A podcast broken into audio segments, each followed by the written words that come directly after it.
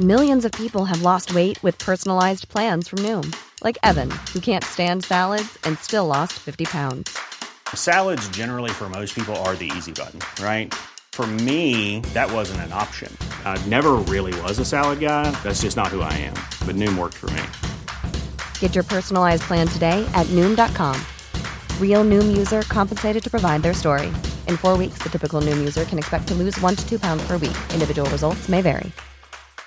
Hey, Dave. Yeah, Randy. Since we founded Bombus, we've always said our socks, underwear, and t shirts are super soft. Any new ideas? Maybe sublimely soft. Or disgustingly cozy? Wait, what? I got it. Bombus. Absurdly comfortable essentials for yourself And for those facing homelessness. because one purchased equals one donated. Wow, did we just write an ad?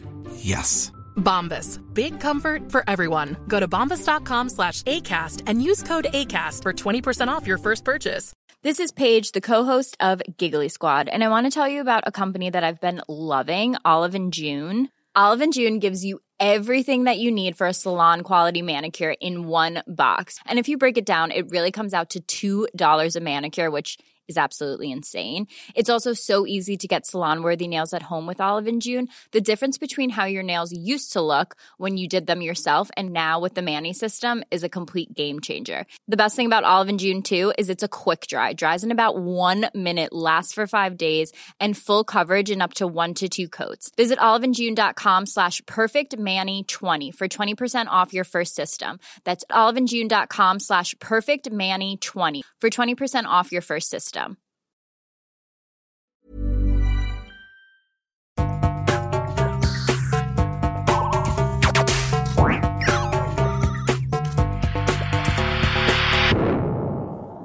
til Sinnsyn.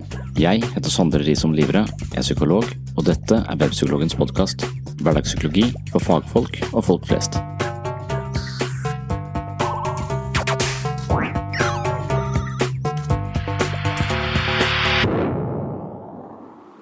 Vem er du? Jeg er døden. Kommer du for å hente meg? Jeg har redan lenge gått ved din sida.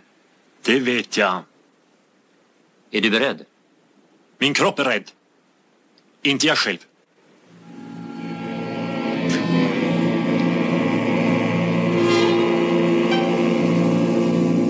Vänta ett ögonblick. Så säger ni alla. Men jag lämnar inga uppskov. Du spiller jo sjakk, ikke sant? Hvordan vet du det? Ja. Jeg har sett det på målningar og hørt i visene. Ja, jeg er virkelig en ganske skikkelig sjakkspiller. Du kan ennå ikke være skikkeligere enn jeg. Hvorfor vil du spela sjakk med meg? Det er min sak. Det har du rett i. Vilkåret er at jeg får leve så lenge jeg står deg imot. Spelar jeg deg matt, förger du mig.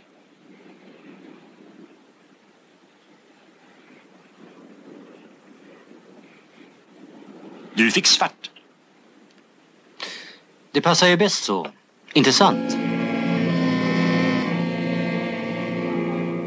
Madeleine Mellomstrand jobber for NRK Sørlandet, og hun lager et program om døden. Hun spurte om vi kunne snakke om døden, ettersom jeg har viet et helt kapittel til dette temaet i Psykologens journal, og kanskje fordi jeg selv har vært forholdsvis åpen om min egen filosofiske dødsangst. Jeg er ikke redd for å dø i dag eller i morgen, og begrenser ikke livet mitt for å redusere risikoen for å dø for tidlig, men jeg har alltid hatt et ubehag knyttet til både døden og dødens onde tvilling, meningsløsheten. I god psykoterapeutisk ånd har jeg tenkt at det vi er mest redde for, er det vi bør utforske, og derfor har min egen dødsangst fungert som en slags kilde til mange av mine skriveprosjekter og nysgjerrighet rundt menneskets eksistensvilkår. Spørsmålet er om det er riktig vei å gå. Bør man tenke mer på døden for å forsone seg med sin egen dødelighet? Lever vi friere dersom vi slipper å bruke masse energi på å distrahere oss selv fra livets mest grunnleggende realitet, nemlig det faktum at vi ikke lever evig? Kan en underliggende dødsangst være kimen til et langt liv på flukt fra noe vi uansett ikke kan flykte ifra? I så tilfelle kan det hende at døden er noe vi må stirre i hvitøyet, og noe vi må lære oss å tåle for å leve på en god måte. Det kan også hende at tanker om døden eskalerer dødsangsten og gir oss et langt liv i panikk for det uunngåelige. I så tilfelle kan det hende at vi er best tjent med å tenke minst mulig på døden, og heller ta et glass whisky når tanker om døden melder seg i vår bevissthet? Man kan argumentere for begge deler, og i dagens episode forsøker vi å resonnere oss frem til den beste løsningen. Hvordan blir man egentlig kvitt dødsangst? Dette er et tema vi bruker halvannen time på i dag, men det er mulig vi trenger mer tid. Madeleine kan fortelle at det for tiden dukker opp såkalte dødskafeer rundt om i landet, det vil si møteplasser med servering hvor folk samles for å snakke om døden. Er det så lurt? Jeg har også skrevet om døden, dødsangst og muligheten for å forsone seg med sin egen dødelighet i Psykologens journal, som altså kom ut på Cappelen Dam høsten 2018 og kan bestilles på webpsykologen.no med gratis frakt og rask levering. Jeg er veldig glad for at flere av dere allerede har bestilt bøkene mine, og det er med på å støtte dette prosjektet og gi sinnssyn muligheten til å publisere nye episoder hver uke i tiden fremover. Takk til dere. For jeg tar dere med til kontoret mitt, hvor jeg har fått besøk av NRK, så skal jeg høre med en av de psykologene som jeg selv har veldig stor respekt for, samtidig som jeg er veldig skeptisk til, Jordan Peterson. Denne canadiske psykologen har tatt verden med storm, og kanskje vi begynner å bli lei av ham, men jeg opplever at hans forelesninger og bøker har gitt meg mye. Her skal vi høre hva han tenker om å bli mindre redd for å dø. How to be less afraid of death. Mm, I have a better suggestion. You should be more afraid of not living properly. I don't know if you can be less afraid of death exactly, but I think that here's a hypothesis, and this is a Socratic hypothesis. I write about this in my book too, by the way.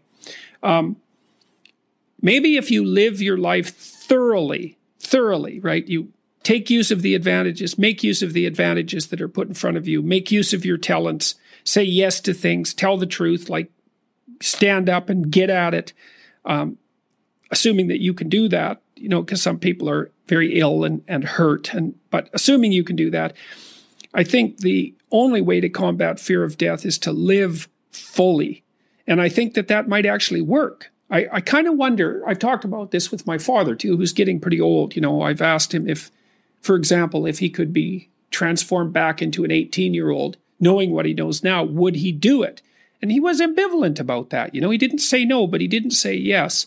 And we talked about this idea that if you lived your life fully, you know, maybe that would be good enough. Because, you know, I, I loved having kids, but I don't feel that I would have kids again, you know, because in some sense I've already done that. And so maybe there's a set number of adventures that you have to go on in your life. Let's say you have to be married, you have to have kids, you have to have a career, you have to have friends, um, you have to have something useful to do with your time outside of work. All, those are all things that are covered in the future authoring program, by the way. Maybe if you do all those, it's like that's good enough. You've had your life, and and that's enough. I mean, I don't know. Uh, Ten years ago, I thought, you know, if I could extend my life radically, then I would. And I'm not so sure about that now that I'm I'm 55. You know, I'm getting older. I kind of have a suspicion that you might come to an end, you know? That's what it looks like. I mean, I don't want that to be soon, but maybe you exhaust yourself in your life, you know, maybe you can so that there's nothing left of you really. Det er fredag, midt på dagen, 11. januar 2019. To forholdsvis unge damer rigger seg til på kontoret mitt med kamera, lyskastere og en rekke spørsmål om døden. Hvor gammel er du? Jeg blir 40 nå. Du blir 40? Ok. Ja. Ja. Men da har du vært yngre ut? Ja, ja, ja. Jeg føler Jeg har alltid følt at jeg ser mye yngre ut enn jeg egentlig er, men eh, nå begynner det å bli bra å se yngre ut, da. Men eh, nå kan Ja, jeg ja, det er jo bare, for så vidt bare positivt, det. Eller eh, det går den gale veien. Ja, man burde bare nærmere nærmere døden, liksom. Det ja, det er det. for hver dag som går. Uff. Ja. Med mindre man er transhumanist, da. Så slipper man å dø. Med mindre man er Transhumanist. Hva er det? Det er sånne som ikke skal dø. Sånn som Ole Martin Moen, eksempel. Som ikke tror at han skal dø, eller ikke vil dø? Eh, De mener at teknologien sannsynligvis eh, har kommet så langt ganske snart at vi kan uh, i alle fall forlenge livet ganske dramatisk, eventuelt også uh, avlyse døden. Og om hva, mange år tror han at, den, uh, at det er reelt? Eller hvor gammel er han? Ja, hvor gammel er han? Han ser veldig ung ut. Kanskje vi må snakke om han etterpå. Ole Martin Moe. Eller kanskje vi burde snakke med han. ja, kanskje vi snakker med han, ja. Ja, for da er du, da er du bra gal. Ja, men han er jo en fantastisk person. Vi hadde han, jeg hadde invitert han, han var her eh, rett før jul.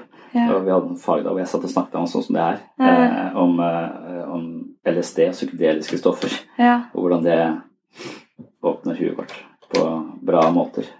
Ja, sånn at man da kanskje at Hvis man tror at en LSD-tripp er døden, så er man kanskje ikke like redd for å dø, da. Nei, men det er, men, det er utrolig interessant, for det er det jeg forsker mest på, på type psykedeliske stoffer. Ikke nødvendigvis eh, LSD, men psilocybin og D- eh, DMT og sånt. Så, Mm. så er det jo med, med folk som holder på å dø. Eh, og, og, og de får jo helt andre perspektiver. Plutselig så bare finner de en ro som Mm. ingen har sett før. Folk driver og graviterer inn til rommet deres for å bare snakke med dem, være sammen med dem, og de vet de skal dø, men de har aldri vært mer harmoniske. Og, og det er ikke fordi de fortrenger døden, liksom. Man kan tenke at ja, de ble så rusa at de glemte det, men, men, men det er mer at de får perspektiver som tydeligvis er såpass uh, store at, uh, at, deres, at døden blir litt satt i et eller annet perspektiv som da ikke gjør det så skremmende. Ja, jeg har sett en sånn dokumentarfilm om det, faktisk. Eller at det Mm. åpner opp noe flere kanaler i hjernen, eller hva det er for noe. Ja. At de får et helt annet bilde. Mm. Jeg er klar hvis dere er Ja, klare. bare setter vi i gang. Altså, vi kan jo begynne med at eh, det med at du har brukt eh, Eller via et helt kapittel eh, om Ja. temaet døden, dødsangst, i den nyeste boka di. Ja.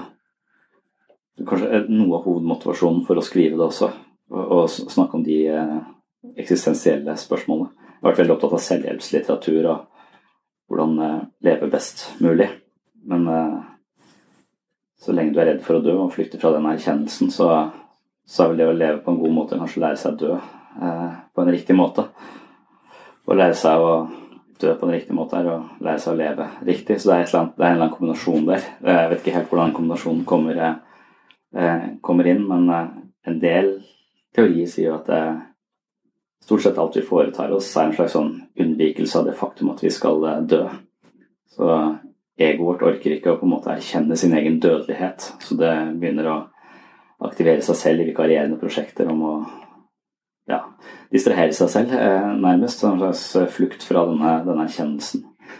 Og mange av de fluktstrategiene som å trene eller spise sunt eller sånn, det er jo en måte å kanskje Du fornemmer døden, men du, eh, du vil prøve å utsette den lengst, lengst mulig. Så, så det å forholde seg Jeg vet ikke om jeg har ikke noe sånn jeg, jeg sier at jeg har dødsangst, men jeg vet ikke om det er en det er sånn som du sa i stad, det er mer en filosofisk dødsangst enn at jeg, jeg er ikke redd for å stryke meg når, jeg, når vi går ut herfra, eller i løpet av denne samtalen. Jeg går ikke ut og bekymrer meg eh, for å bli eh, for å dø. Eh, jeg bare bekymrer meg generelt sett for at døden er utveien, på en måte. Jeg, jeg liker ikke ideen, jeg liker ikke tanken på at, eh, at eh, det er slutt. For meg så blir ting litt sånn meningsløst i det, eh, i det perspektivet. Ja, for det, da lurer jeg på hva er det du eh, mener skjer når du dør? Tror du det blir helt svart? Ja, og etter hvert som jeg har utforsket døden da, i denne boka, så har jeg også skjønt at eh, det er nettopp det at vi skal dø som gjør livet meningsfullt. Eh, så, så, så, så vel, Hver gang du tror du skjønner noe om døden, så, så har du ikke skjønt en dritt, virker det som. Mm. Så hver gang du har tenkt noe om det, så må du tenke på nytt. Og det er vel det jeg har gjort i denne boka hele tiden, å tenke, tenke på nytt. Men, eh, men utgangspunktet mitt er jo at jeg har vært liksom en veldig sånn hardnakka ateist. da. Eh, og jeg mener jo egentlig at eh, ateister er de eneste som faktisk forholder seg til at vi skal dø, og da skjer det ingenting. Eh, Så alle andre har jo en eller annen idé om at det skjer et eller annet, om du blir reinkarnert, eller om du skal til et annet sted, eller bevisstheten din overlever, eller et eller annet sånt noe. Så, så er det også en slags fornektelse av realiteten. Og sånn psykologisk sett så, så, kan det, så kan det hende at det, også faktisk forholde seg så, så nært som mulig til den virkeligheten som faktisk er, det er det beste det beste vi gjør, det å tåle uh, følelser, det å forstå følelser, det å kunne håndtere følelser, istedenfor å bruke masse psykisk energi og forsvarsmekanismer på å unngå sterke følelser, unngå spesielle tanker osv. Det er veldig mye av psykisk helse som eller psykisk uhelse går, går, ut på at vi ikke tåler uh, følelsene eller tankene våre, så vi bruker mye energi på å unngå de. Når vi bruker mye energi på å unngå de, så må vi distrahere oss selv, og noen drikker alkohol, eller noen uh, skader seg, eller noen jobber døgnet rundt altså for å unngå disse vanskelige, vanskelige, tingene. Når vi unngår disse vanskelige tingene som uansett er der og bor i oss, uh, så er det på en måte å løpe fra seg sjøl, å løpe fra sin egen skygge. og den skyggen, sånn jungiansk språk vil komme til å tuppe deg i ræva på et eller annet eh, tidspunkt, og da blir du kanskje dypt deprimert eller får masse eksistensiell angst eller et eller annet symptom. Mm. Uh, og jeg er klar over at jeg har et ubehag uh, ved døden, liker ikke det temaet. Noe som også vil gjøre meg til en ganske dårlig terapeut, fordi folk kommer hit og sier de har tenkt å dø. Og da tenkte jeg faen, det høres jo ikke Har du tenkt godt nok gjennom det? Eh, så, og hvis jeg da ikke er avklart med døden selv, så vil det være et tema jeg lett kommer til å unngå fordi at det virker så ubehagelig på en måte. Jeg orker det ikke. Så det å være god, et godt medmenneske kan om tåle sterke følelser. Da, eller en god terapeut må tåle sterke, eh, sterke følelser. Hvis jeg ikke tåler de, så er det ikke plass til de her inne i det hele tatt. Og da tåler i hvert fall ikke de som kommer hit med de problemene. Da møter de nok et sted hvor det ikke er plass til, eh, til de følelsene. Mm. Uh, og det syns jeg er noe lett. Jeg syns ikke døden er noe, uh, noe, lett tema å avklares med. Og jeg tror fortsatt ikke jeg er avklart med det. Fortsatt ubehag knytta til det. Ja, for det er det jeg litt lurer på da. Altså. Og bare uh, sette litt mer Og jeg skrur den? Nei, ja, eller bare, bare sånn at uh, mm. det ikke kommer i sjekk. Ja. ja. ja. nei, for vi hopper jo veldig her i Ja. nei, for det er det jeg liksom lurer på, da. Hvordan det fungerer for deg. Om det er en fordel eller ulempe i, eh, når du eh, i behandling med pasienter. Hvordan mm. det funker for deg hvis det kommer folk her med, med f.eks. selvmordstanker, da, eller en lyst til å dø. Hvordan eh, preger det jobben din eller ditt arbeid? Mm. Um, det, det, det, kommer an på uh, hvordan på en måte jeg er skrudd sammen, eller hvor, hvor mentalt sterk jeg er, tror jeg. Altså, jeg ser litt på mental helse som noe vi trener opp, noe vi blir eh, bedre på. Og det å være en god psykoterapeut handler ikke om å kunne så veldig masse. Du kan jo fylle hodet ditt med masse informasjon som er viktig i forhold til psykisk helse. Og det driver jeg med som en slags hobby. Jeg er interessert i alle mulige teorier. Men, men det, å være, eh, det, å være, et godt menneske handler om å tåle sterke, sterke følelser. Så det kommer an på hvor mye jeg tåler og hvor lang avstand jeg har til det. Men med en gang jeg kan reflektere over ting og ha en slags mentaliseringsevne, jeg kan ha et overordna blikk på det, jeg kan våge å forholde meg til det. Men med en gang noen sier 'jeg skal dø', så blir det rommet i meg eh, følelsen av ansvar, eh, følelsen av 'hva skal jeg gjøre nå'? Den frykten, frykten skrur av refleksjonsevnen. Så, eh, så idet et menneske skremmer meg, så klarer jeg ikke lenger å tenke klart eller reflektere over ting. Jeg prøver å unnvike det temaet, eller jeg prøver å bli en slags robot som bare stiller de spørsmål det står i prosedyrene våre at vi skal stille, og så gjør jeg akkurat det jeg skal. Eh, så, så istedenfor å være et menneske, så gjør jeg meg om til en robot for å slippe eh, å håndtere døden. Eh, og jeg mener det er en dårlig strategi, da. Og, og som en selvut, så, så hele denne psykologens journal, som den boka heter, det er min egen journal. Det handler om at jeg vet om noen områder hvor jeg er svak. Hva gjør jeg for å bli sterkere? Eh, på de områdene. Jeg prøver å, i sånn god psykologisk tradisjon, å møte det jeg er redd for, og med så nærme jeg tør, og fortsatt kunne tenke klart. da. Men med en gang jeg blir så redd at jeg ikke klarer å tenke klart, så blir jeg bare traumatisert av det. Så Du må på en måte nærme deg det, må ha prefrontal cortex skrudd på, så du kan reflektere over dette. Så Du må nærme deg døden i det tempoet du selv, selv klarer, eh, og stirre døden i hvitøyet. Hvis du plutselig møter en på gata, så kommer du veldig tett på. da. Eh, mens eh, hvis du da har trent på, å, eh, på døden, og du kjenner døden og du kan forholde deg til det, så vil du stille sterkere når døden banker på døra di, og det gjør den jo. På et eller annet tidspunkt, enten det er deg selv som blir alvorlig syk, eller noen som står deg nærme som blir alvorlig syk, så vil, vil, de fleste av oss ha en eller annen førstehåndserfaring med døden. Om vi har kjørt over et rådyr på veien, så vi har sett døden. Alle har sett døden, på en måte, de fleste av oss i hvert fall. Og om vi ikke har sett det ennå, så kommer vi til å se det ganske snart. Ja, og det er det jeg lurer på. det, øh, Hva var det som trigga det i deg? Eller var, hvordan starta det for deg at du fikk skjønt at oi, øh, jeg skal dø en gang? Eller at du mm. begynte å kjenne på en frykt, da? Eller en, en angst for det. Ja, jeg tror jeg hadde mer da jeg var liten, nesten. Du Altså, uen- tidlig? Ja, jeg hadde sånne uendelighetstanker også. Var uendelig. Hadde masse sånne så, Sikkert altfor mye tid til å tenke på sånne ting. Istedenfor at jeg Og maten kommer på bordet av seg selv, så jeg kunne jo tenke på andre ting. Mm. Istedenfor å være ute og jakte. Som, så, så, så jeg vet ikke. Jeg følte at det var sånne en sånn type eh, tanke og erkjennelse som kommer over meg som en sånn mørk sky hvor nesten verden mister fargene sine. Eh, og så blir jeg nesten fysisk kvalm. Eh, og så må jeg vrenge meg ut av, eh, av den tanken rimelig kjapt. Eh, fordi jeg tåler ikke mer enn i 25 sekunder maks. Eh, så den virkelige erkjennelsen av at du skal eh, dø, momento mori, på en måte, det er, eh, det er ikke Det, det syns jeg er ekstremt vanskelig. Og jeg tror ikke på de som sier at det er helt avklart at jeg skal dø. Jeg tror ikke de har tenkt seg godt om. Ellers er, de bare, ellers er det bare jeg som har misforstått. Men jeg syns det er ekstremt alvorlig og vanskelig eh, eh, tema. Og nå har jeg det på avstand, og jeg kan snakke om det nå. nå. Nå treffer det meg ikke i hjertet, på en måte. Men det kan komme til å treffe meg i hjertet innimellom. Og det er noe av det eh, noe, Det er en eh, ekstremt tung eh, erfaring og, og en ekstrem frykt. Ja, Men hva er det du er da mest redd for? Hva, hvorfor gjør det deg så redd? Jeg, jeg anser vel selv kanskje at etter hvert som jeg er blitt tryggere på meg selv, etter hvert som jeg er blitt litt eldre, så ser jeg at uh, egoet mitt er ikke fullt så uh, Hva skal vi si Det er ikke så eh, forfengelig lenger, da. Jeg er ikke så, jeg er ikke så selvgod uh, som jeg var før. Jeg mener jeg var litt selvgod og narsissistisk. måte. Jeg var litt opptatt av at jeg er ganske spesiell, og det er viktig å ta vare på meg. Eh, så, så jeg tror det er noe Det er en viss narsissisme i det å være, frykte sin egen død. Da, og så er det som for at, det, eh, at jeg og, og mitt lille selv skal være så veldig, eh, veldig viktig. Men etter hvert som du kanskje blir litt eldre eller jobber med deg selv, så ser du kanskje at det er ikke fullt så viktig. Og så har jeg barn som, eh, som jeg håper virkelig overlever meg, på en måte. Så, så, det, så, så det er noe som, som kan avta med alder også, kanskje.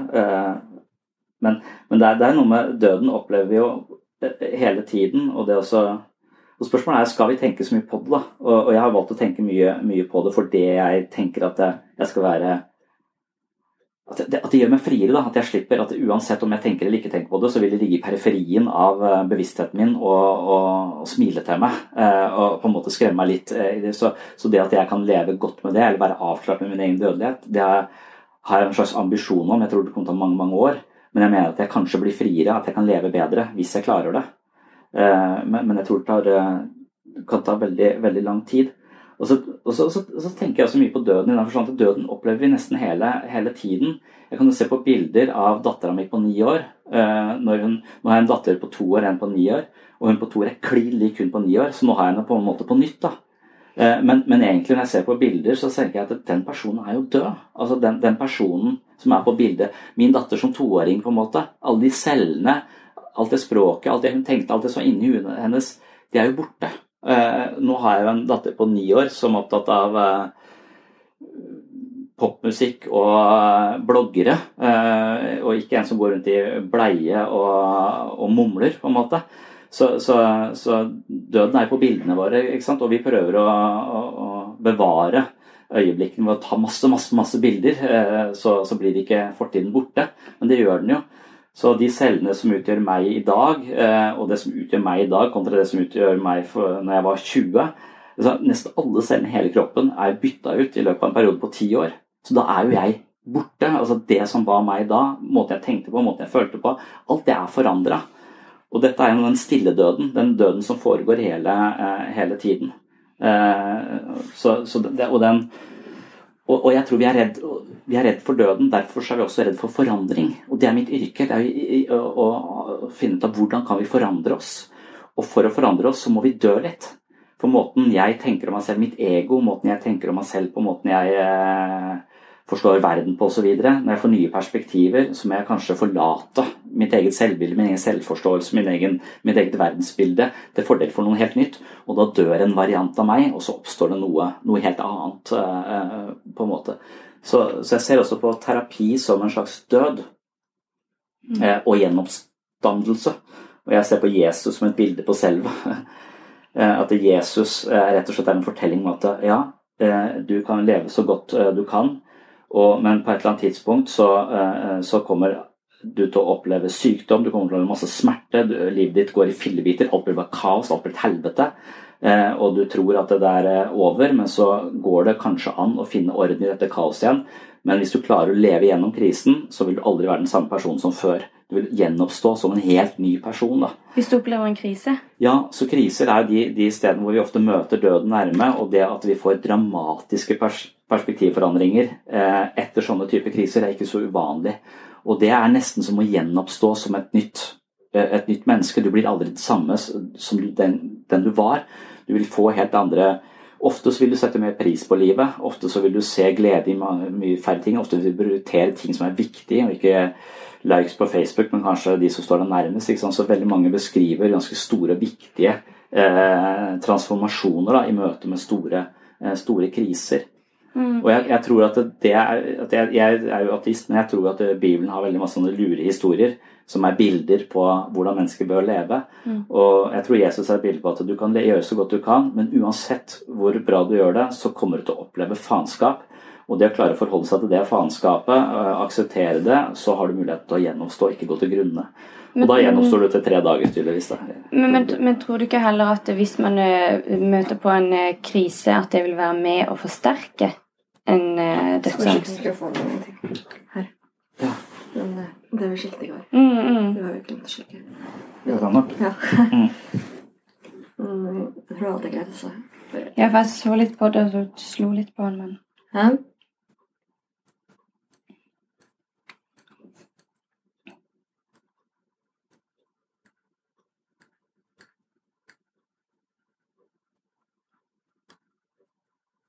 Tror jeg det greit. Eh, jo, for du sier det at hvis man møter på en, en, krise, så vil du sette mer pris på livet. Hvis du gjenoppstår. Gjenoppstår. Ja, hvis, hvis du kommer deg gjennom krisen på en, eh, på en god måte. Ja, for det, for det, kan jo enten gå begge veier, tenker jeg. Det kan gå til helvete også. Ja, mm. At du blir enda mer redd ja. for å dø fordi at du var så close, ja. på en måte. Mm. Men, uh... men, så, så, så der, der, kan man og, og, det tror jeg Men jeg tror det er det liksom historiene forteller oss, at uh, nå, nå, kan det uh, gå skikkelig dritt. Men, men, det finnes en mulighet for å gjenoppstå. Folk har gjort det før. Så at historien vår, mytologien vår og disse bibelske fortellingene viser oss at det, det, finnes, det finnes, muligheter. Men, men, jeg tror det er ganske vanlig å, å også kunne gå til grunne på, på, på store kriser. Uh, og at det ja, at det, det, er kjipt. Men jeg tror også det finnes muligheter til å, til å reorientere seg da, så, og så finne nytt, nytt, liv, på en måte. Mm. Behandler du eh, folk med, som har dødsangst? Ja, Det er en del av bildet til mange, men jeg har ikke sånn spesifikt at jeg, jeg, jeg gjør det. Uh, men uh, Eh, men, men, det er mange som har den uh, typen problemstillinger med seg. Ja. ja. Men ikke, ikke det, er, det, er, ofte et tema i, i, det jeg kaller biblioterapi, hvor vi snakker om uh, psykologi, filosofi, eksistensielle spørsmål. Men det er ofte i den forstand at denne døden som jeg snakker om, denne lille døden, eller denne forandringsdøden, da, hvor, du, hvor du på en måte jeg tror Det å akseptere at du skal dø, gjør deg friere.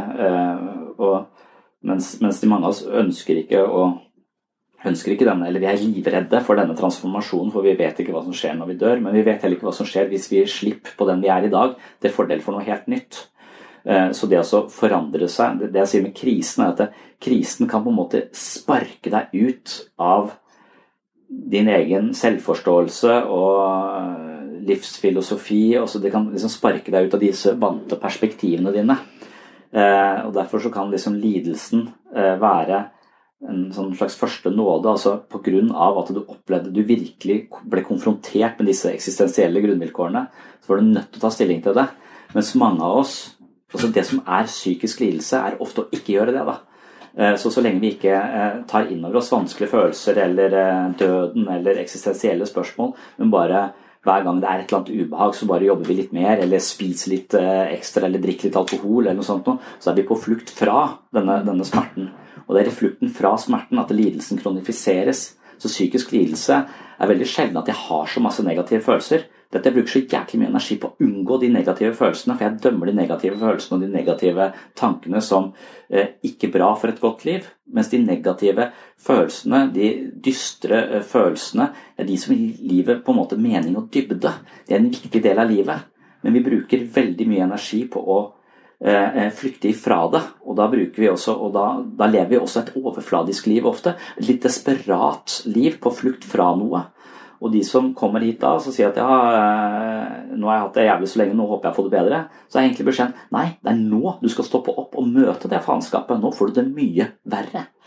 Uh, i, en, i, en, periode. Uh, for, det, for, det, er det som skal til. Du er nødt til å konfrontere denne smerten. Mm. Og kanskje eventuelt konfrontere døden, da, som dypest sett Og hvordan går du fram da, hvis du i en form for behandling, da, hva, hvordan går du fram med en pasient som, som kommer til deg og sier at jeg sliter daglig med frykten for å dø? Eller ikke frykten for å dø generelt, men den dagen det skjer. Mm. Hvordan går du fram da i en behandlingsprosess? Ja. Mm. Litt sånn som du var inne på, med at ja. du må møte det. Ja. Handler det bare om å snakke rundt det, da? At, eh, eller? Nei, jeg ser på det eh, Jeg mener at det er to innfallsvinkler til eh, behandling av psykiske plager. Eh, det ene er at jeg mener vi har et ego som har et som, eller man kan kalle det et operativsystem som genererer typiske måter å tenke og føle på, som er deg. Og alle de typiske måtene å tenke og føle på og fortolke verden på, det har du fått installert av folk som har vært rundt deg gjennom livet ditt. Så er, du gjør aldri en objektiv vurdering av noe. Du gjør alltid bare du fortolker verden ut ifra dine erfaringer og ser altså verden. Så, så, hele ditt verdensbilde vil være annerledes enn mitt, og sånn, fordi at du farger det på en annen måte enn det er. For du har en annen historie, du har en annen genetikk, du har et annet Det er, det er så mange ting som spiller inn som, som, som, skiller oss. Så det vi må vite, er at alle fortolkninger vi gjør av verden, vil alltid være feilaktige. Så det er noe jeg pleier å si at alt du føler er feil, på en måte, for det er alltid generert via alle nevrosene dine, så opplevelsen din er objektiv vurdering av virkeligheten, det er din subjektive eh, eh, vurdering. Da har du dette egoet fullt av tanker og følelser, og hvis du hele tiden går rundt og tenker på at du er redd for, uh, redd for, å dø, så har du da noen algoritmer her inne som hele tiden kjører dette uh, systemet. Redd for å dø, uh, frykt, negative følelser, håpløshet, meningsløshet, masse sånn, så, sånn greier. Så kan du på en vestlig psykologi si at ja, men da må vi prøve å endre måten du tenker på. Eh, så du må prøve å tenke litt mindre på døden, f.eks., eller tenke litt positivt på døden. Sånn som Per Fugle skriver om, okay. om lyspunkter eh, ved døden. Så de prøver på en måte å gå i, gå i dialog med disse tankene og se om de klarer å gjennom eh, samtale med sine egne tanker skape et litt annet klima i de tankene, sånn at de tankene er litt mildere og gir deg litt mindre negative følelser, så du kan forholde deg til dette livet på en, litt, på en måte med litt mindre smerte. Det kan fungere. Men, eh, men, ifølge Østens filosofi så er det et litt sånn fåfengt prosjekt. Fordi at eh, de mener at det, eh, det du må erkjenne, er at alt du tenker og føler, er uansett feil. Så istedenfor å endre måten å tenke på, så må du endre hvordan du forstår dine egne tanker. Så du må se på dine egne tanker som noe som kommer og noe som går, og osv. Du må ha en større avstand til, til, det som foregår inne i, i bevisstheten din. Men frykten fanger deg i ditt eget operativsystem. Du blir livredd, du genererer liksom, du, du, er, du, er, i panikk. Hvis du klarer å opprettholde et større perspektiv og si at den måten jeg tenker og føler på, det tar jeg som en klype salt, så våger du mer. Du har større plass til disse følelsene. og Du trenger å bruke mindre energi på å holde de unna livet eller prøve å ikke tenke på det osv. Så, videre. så, så, så du, du, får, du blir mentalt mye bedre rusta til å håndtere vanskelige følelser og livets faenskap. Eh, og, og det er en treningssak. Hvis du klarer å Du kan godt forstå at det jeg tenker om en ting, det er ikke nødvendigvis sånn det er. Så jeg må på en måte, jeg må, jeg må ikke stole fullt og helt på det. Det kan være litt sånn som det egentlig er, men jeg er også, også med på å skape disse verdensbildene selv, så jeg kan ikke stole eh, helt, helt, på dem. Men det, du, du, Vi kan skjønne det, men vi kan ikke på en måte eh, Det også virkelig ta det inn over seg, det handler om trening. Det handler om å opprettholde dette fokuset, denne distansen til sitt eget ego.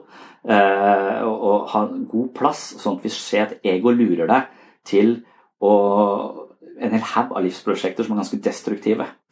Og ego er redd for, eh, redd for å dø. Eh, og ego er også en sånn eh, instans som hele tiden prøver å dra deg Istedenfor å være i øyeblikket her, så driver ego hele tiden og tenker på framtiden. Og det er der framme at døden er. Så ego skal hele tiden vekk fra øyeblikket. For ego er hele tiden sånn at ja, hvis ikke jeg får den karrieren eller får oppnådd det eller gjort det, så, så, så, er det ikke bra nok. Så ego skal hele tiden videre. Ego er hele tiden på på flukt fra, eh, fra, øyeblikket og får ikke med seg eh, øyeblikket. Og ego er altså da eh, roten til veldig mye faenskap. Så det å hjelpe folk med alle mulige former for angster og, og sånn, handler om å tørre flere følelser. Det handler om å møte denne, ha rom til denne, denne frykten. Mm. For hvis du ikke hvis du er så redd for uh, døden, altså hver gang det dukker opp som et tema, og du ser det på TV, du kan bare uh, åpne en avis, så møter du jo nærmest døden, og du da går i ditt, din, måte å, din, din, måte å, reflektere på, mentaliseringsevne kaller man det ofte, kollapser, og du, bare, du får det rett i brystet, du får det bare i hjertet, du blir eh, nervøs og engstelig og, og, og usikker. Angsten er veldig kroppslig. Eh, hvis du ikke klarer å opprettholde en slags eh, forståelse av det og erkjennelse av det og aksept av det, eh, så, vil du hele tiden være sårbar, og du må prøve å unngå det. Og Da gjør du ofte det. Du prøver å ikke lese aviser, ikke se på nyheter, og, ikke forholde deg til folk som har dødd, eller din egen dødelig, dødelighet. Og så, er, lever du liksom litt på sånn på tå hev, da. Du må gå på listesko sko rundt. Mm. Så de fleste mennesker har disse fryktene, men de er nødt til å møte, møte det. Mm. Uh, og, og det, det, vet vi ikke, for det, det, er ikke intuitivt for oss. Vi tenker mm. at vi skal ha mest mulig velbehag og minst mulig smerte. Men faktum er at det å søke etter velbehag og nytelse og minst mulig smerte, det er det dummeste du gjør. Du kan bare spørre en rusmisbruker hvordan det funka for deg å bare uh, søke etter nytelse, på en måte, umiddelbar behovstilfredsstillelse, fremfor et langsiktig uh, perspektiv.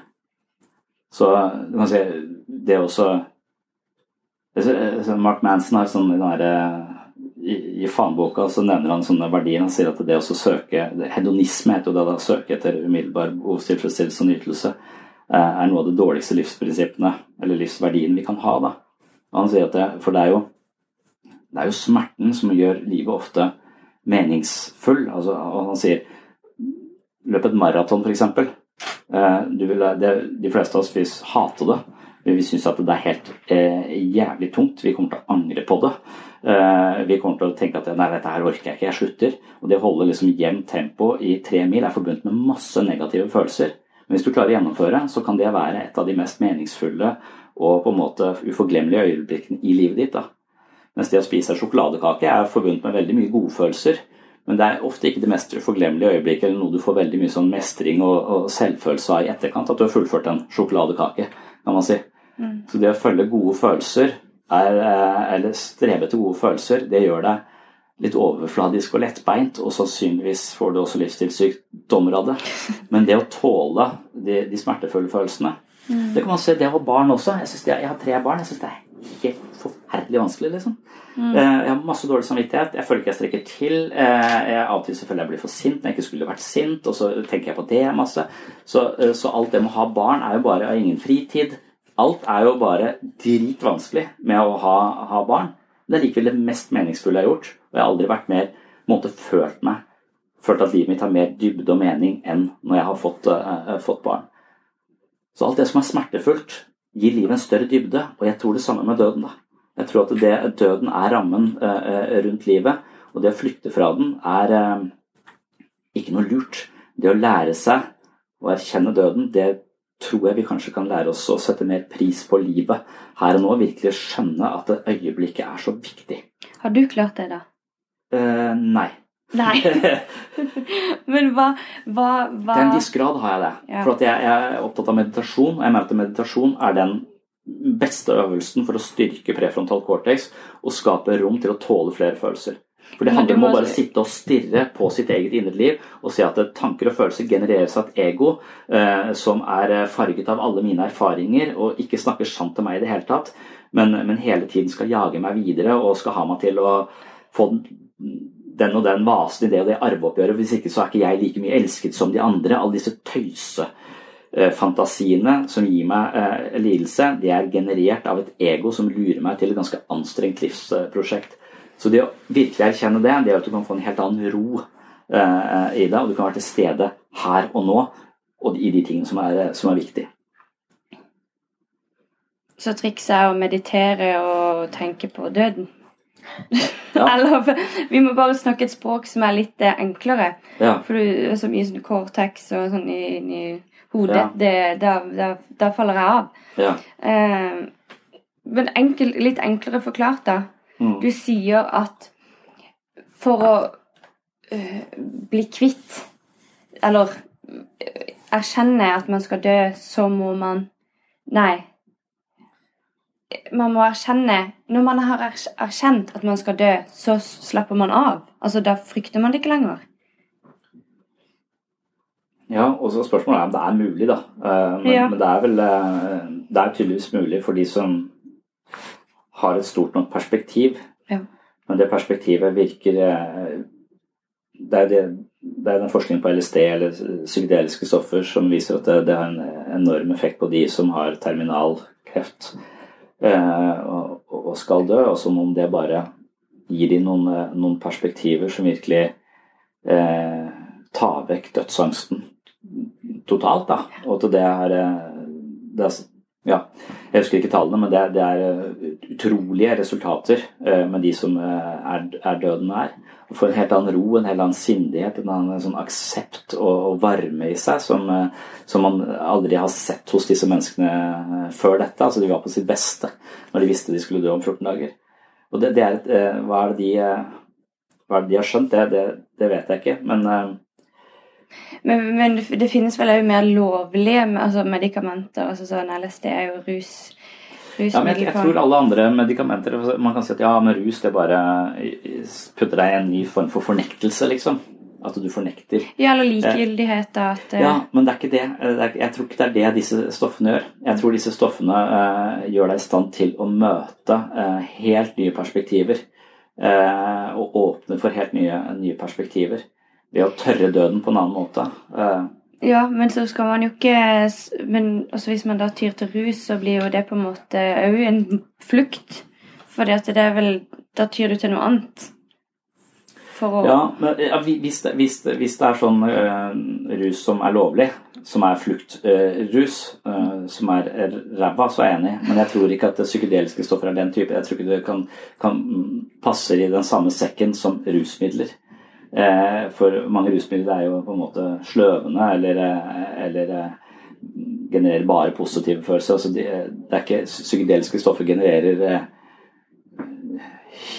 helt andre perspektiver. Det er som om at vi sitter i en virkelighetstunnel og er enten redd for å dø eller ikke redd for å dø. Altså vi, har, vi har møblert den virkelighetstunnelen vår med ulike frykter og ting vi liker og ikke liker. Men det er likevel også bare mentale konstruksjoner som vi gir betydning og gir verdi, og det former, former livet vårt og måten vi lever på.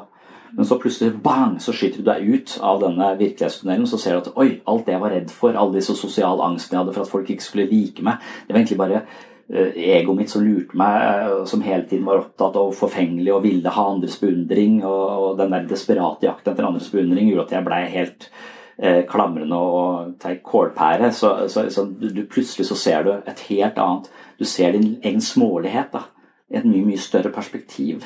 Og da dør egoet litt. Eh, da, da, får du, da får du et større, et større bilde på deg selv.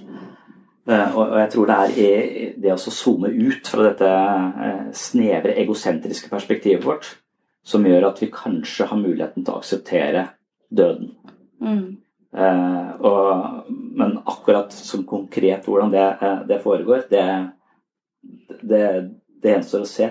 Men, men jeg, synes at jeg, jeg tror ikke dødsangst er noe jeg, uh, som går over hos meg i et øyeblikk. ikke sant? Jeg, jeg ser mer på det som uh, mitt mål er å løfte 250 kg i benk. Det trener jeg ikke på, altså. Men, uh, men det er litt det samme målet jeg har når det gjelder dødsangst. Jeg, tenker at det er omtrent like vanskelig.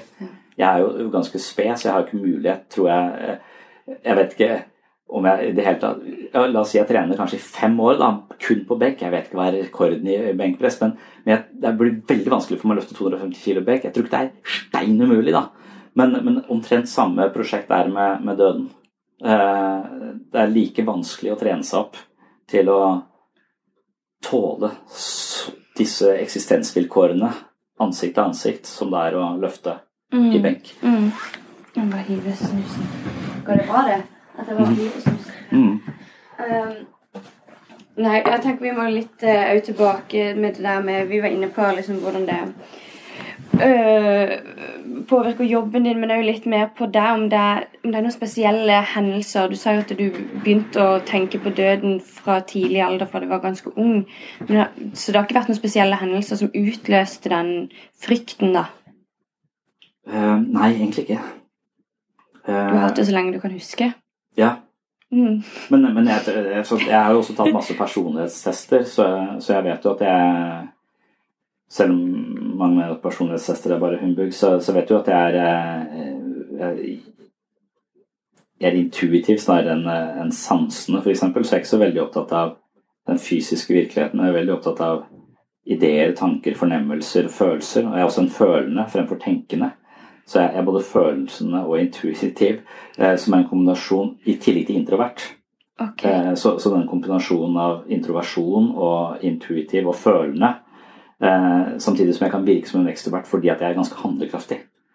Så, så, denne kombinasjonen av personlighetstrekk gjør at man ofte grubler mer enn folk flest, og man har en hang til melankoli og, og depresjon på en måte. Så, så, jeg tror nok det ligger som en del av det. at jeg ikke, jeg er ikke så lettsindig, kanskje. Veldig kan, utsatt personlighetstype. litt utsatt personlighetstype. Så jeg har mange venner som liksom ikke gidder å høre på meg snakke om disse tingene. ikke sant? Mm. Og så bare eh, Ta en øl, du. Eh, og så bare eh, eh Tenk positivt. Ja, for, for ja. Det, ikke sant? For det, det, det, er nettopp det jeg var litt inne på. At det, ja. da du opplever ofte at du blir møtt med at nei, vi går ikke der. Vi snakker ikke om det. Nå må du tenke på noe annet av dine kompiser, da, eller hvem, ja. hvem det måtte være. Uh, og det er jo, også interessant hjemme med tanke på det her med dødskafeer som jeg snakker om, at det er blitt et nytt ja. fenomen at folk møtes på, på kafeer for å snakke om døden. Mm. Uh, men det er jo heller altså, det er jo vanskelig å si hvilke personlighetstyper de har. At de er introverte, følsomme og intuitive. Uh, så Nei, jeg bare prøver å Ja, og, og, og, og det skal Det er ikke en quick fix, liksom. Nei, det er det ikke. Så, så Memento mori, husk du skal dø, er en sånn Det er jo liksom anbefalt oss eh, i en del eh, tradisjoner, spesielt buddhismen. Altså Buddhismen mener at vi skal tenke på døden eh, stadig vekk. Eh, og Buddha er kjent for dette, at eh, han liksom sa han spurte folk eh, hvor ofte tenker du på døden, og sier jeg hver dag er ikke bra nok. Altså, hvor ofte tenker du på den hver gang jeg spiser, er ikke bra nok. Hvor ofte tenker du på døden? Jeg tenker på døden hver gang jeg trekker pusten inn. Ja, Da begynner du å nærme deg. Men, men er ikke buddhister også redd for, for Har ikke de jo dødsangst? Jo, det er det de har. Ja. Så, så, så, den studien som ble gjort akkurat, uh, akkurat nå nylig, som jeg hørte på denne podkasten Very Bad Wizards, uh, som de hadde en sånn uh, samtale om de som hadde utført denne studien på For de tenkte seg at det, når buddhister de tror ikke på selvet. Og jeg mener at det er jo selvet vi er redd for skal dø. Det er et ego jeg er redd for skal dø. Altså, om du hadde bytta ut kroppen min men beholdt egoet mitt, så hadde jeg vært fornøyd, jeg. Så Det er jo det transhumanisten gjerne vil. Kan laste opp vår egen bevissthet til en eller annen sky. ikke sant? Det er ikke så innmari avhengig av den samme kroppen. Eh, men jeg, jeg føler at jeg er jo egentlig dette, dette, føler jeg bare er en maskin som tar meg rundt. Det som er egentlig meg, det er jo uh, bevisstheten min, på en måte. Og bevissthet vet man ikke helt hva er for noe. Så, så, det er det jeg er redd for. Men hvis disse buddhistene de tror ikke at eh, selvet eksisterer. De tror at det selv er en illusjon. Akkurat som jeg også mener at selv er en illusjon. Alt det du tenker og føler om deg selv, er en mental konstruksjon som har blitt installert i deg. Det er ditt perspektiv du har fått av noen andre. Og så tror du at du er en helt uh, spesiell ting. Men så lenge de ikke tror på selvet, så vil de også forvente at de ikke var så redd for, uh, for å dø. For det er ofte denne frykten for å miste selvet vårt, eller mm. identiteten vår. da. Mm. Men identiteten deres skal være mye mer flytende, for de har avslørt selvet, på en måte når du har meditert lenge. Så De som mediterer mye, de avslører på en måte dette selvets kjas og mas, på en måte, eller ego, eller hva man skal kalle det. Så må vi forvente at de har mindre dødsangst. Men så viste det seg at de har like mye, hvis ikke mer, dødsangst enn oss kristne. Vi er ikke nødvendigvis kristne, men fra denne, fra Vesten, da. Eh, men, men, det de da har tatt, de har bare tatt tilfeldige folk som bor i en kultur som kaller seg buddhister, men som ikke mediterer og ikke går i kloster eller ikke, ikke gjør de. Så, så, de er ikke sånne topptrente meditative eh, folk. da. Men forventningen er kanskje at hvis du tar de som har meditert i tusenvis av timer på døden og seg selv osv., så, videre, så kan det hende du finner noen som ikke har så mye dødsangst. Men det er en marginal, bitte, bitte liten gruppe. Akkurat som vi går rundt og kaller oss kristne, men ingen går i kirken. på en måte. Så det er omtrent sånn i buddhismen. Liksom. Så, Man kan ikke forvente at det bare fordi at de tror på dette, så har de øvelsene og gjort de øvelsene og anstrengelsene som skal til for å ha mindre dødsangst. Så, for, så, så, min idé er at jeg tror du trenger å tenke på døden og meditere over dette i kanskje 20 000 timer. Og så har jeg tenkt det har ikke jeg tid til, så jeg må gå for whisky isteden. Uh, har jeg jo tenkt innimellom. Og heller bare fortrenge det. ikke sant? Så, så, hvis du virkelig krever så innmari mye tid at dette perspektivet er så stort, og det virkelig kommer og, hva skal man si, Per Fugle mente jo at han var på en måte avklart med døden. Uh, og han danset med døden og alt dette her. Men så kom jo sønnen hans nå etterpå og sier at han var livredd for å dø. Ja. Jeg ble så skuffa. For jeg tenkte, eh, Der er det en mann som faktisk har klart det, og han er på en måte i vår flokk, følte jeg, som er hans eh, begrep. Men så viser han at han ikke klart det likevel. Så jeg er jo litt skeptisk til om det er mulig, da. Mm. Jeg er skeptisk til om det er mulig å løfte 250 kilo benk også. Mm. Men siden jeg har denne personligheten, så akter jeg å prøve. Uh, uh, nei, uff. Uh, ja, det, det, flyter litt. Nei, for nå hang jeg meg opp i det med buddhistene igjen, med meditasjon og sånn. Men jeg tenker, kan det De tror vel på reinkarnasjon? Ja. At da kanskje er det en frykt i det at de gjenfødt som bikkje eller gris. Ja. At det kanskje er det de frykter også. Mm. At de Å ja, jeg har ikke vært snill nok i livet mitt, så da når jeg dør nå, så blir jeg kanskje en maur. Kjipt. Ja. Vil ikke dø. Ja. Jeg vet ikke. Nei, det vet ikke jeg heller. Så, så det, det, det, kan hende, hvis de virkelig tror det. Men det er også litt sånn Jeg tenker at hvis du virkelig er kristen, så skjønner jeg ikke at du skal ha noe særlig dødsangst. Nei, men, men har, har, kristne kom, har folk som har vært kristne, kommet her med dødsangst? Ja, jeg, kan ikke, jeg syns ikke jeg kan se at de som på en måte er eh, ja, kan, Det kan godt hende. Det, det, burde man sjekke studier ja, men, på. Ja, men, men det er jeg, sammenheng. Jeg, jeg, er ganske sikker på at jeg har møtt mange mennesker med dødsangst som, som likevel har, vil karakterisere seg som religiøse i en eller annen forstand. Eh, men, men kanskje de best kan karakteriseres som agnostikere. Og kanskje, kanskje jeg selv også kan det, fordi at jeg fordi at selv om jeg prøver å møte døden, så har jeg jo møtt har min, mitt prosjekt vært å møte religion og møte folk som nettopp har et perspektiv på at vi ikke nødvendigvis døden er siste utvei. Altså at det, at det, det fins noe, noe, etterpå. Og hva er argumentene for det? Er det gode nok argumenter for å tro på det? Kan jeg tro på det så sterkt at jeg slipper å være redd for å, for å dø?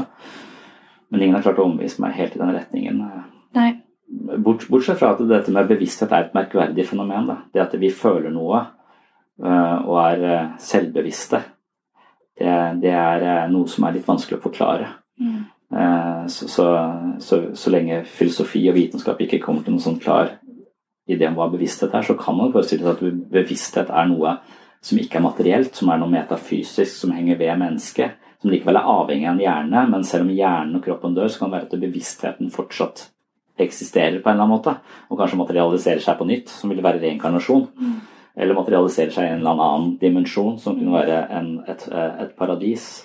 Så, men det, det, føler jeg liksom God of the gaps, altså der vi ikke vitenskapen vet nok, så bare fyller vi inn en eller annen religiøs forklaring. Da. Ja. Så jeg føler det, det, virker som en slags ny unnskyldning eh, for å ikke ta inn over seg at vi skal dø.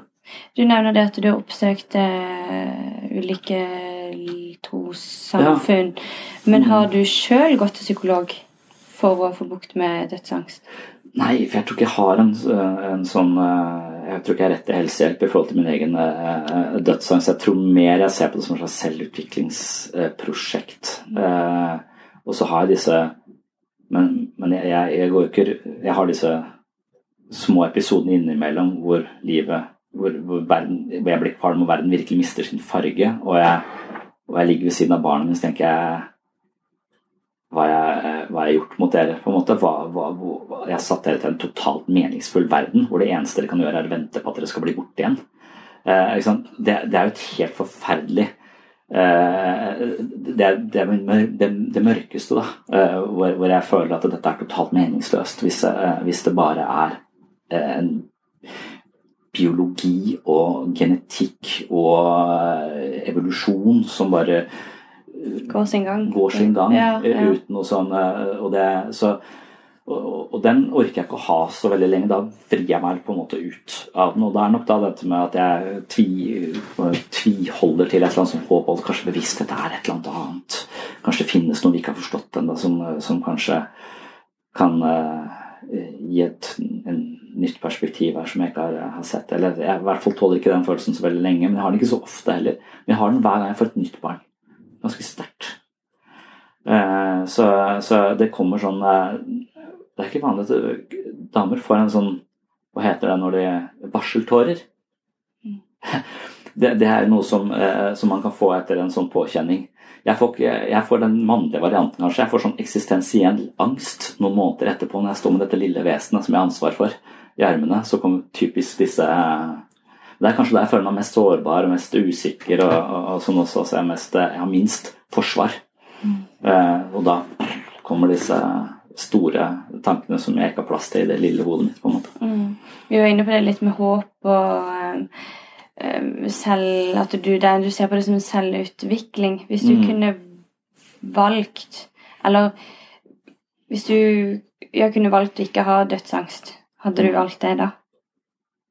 Å ikke ha den frykten? Hvis du bare kunne kutte den her i dag, hadde du ville det?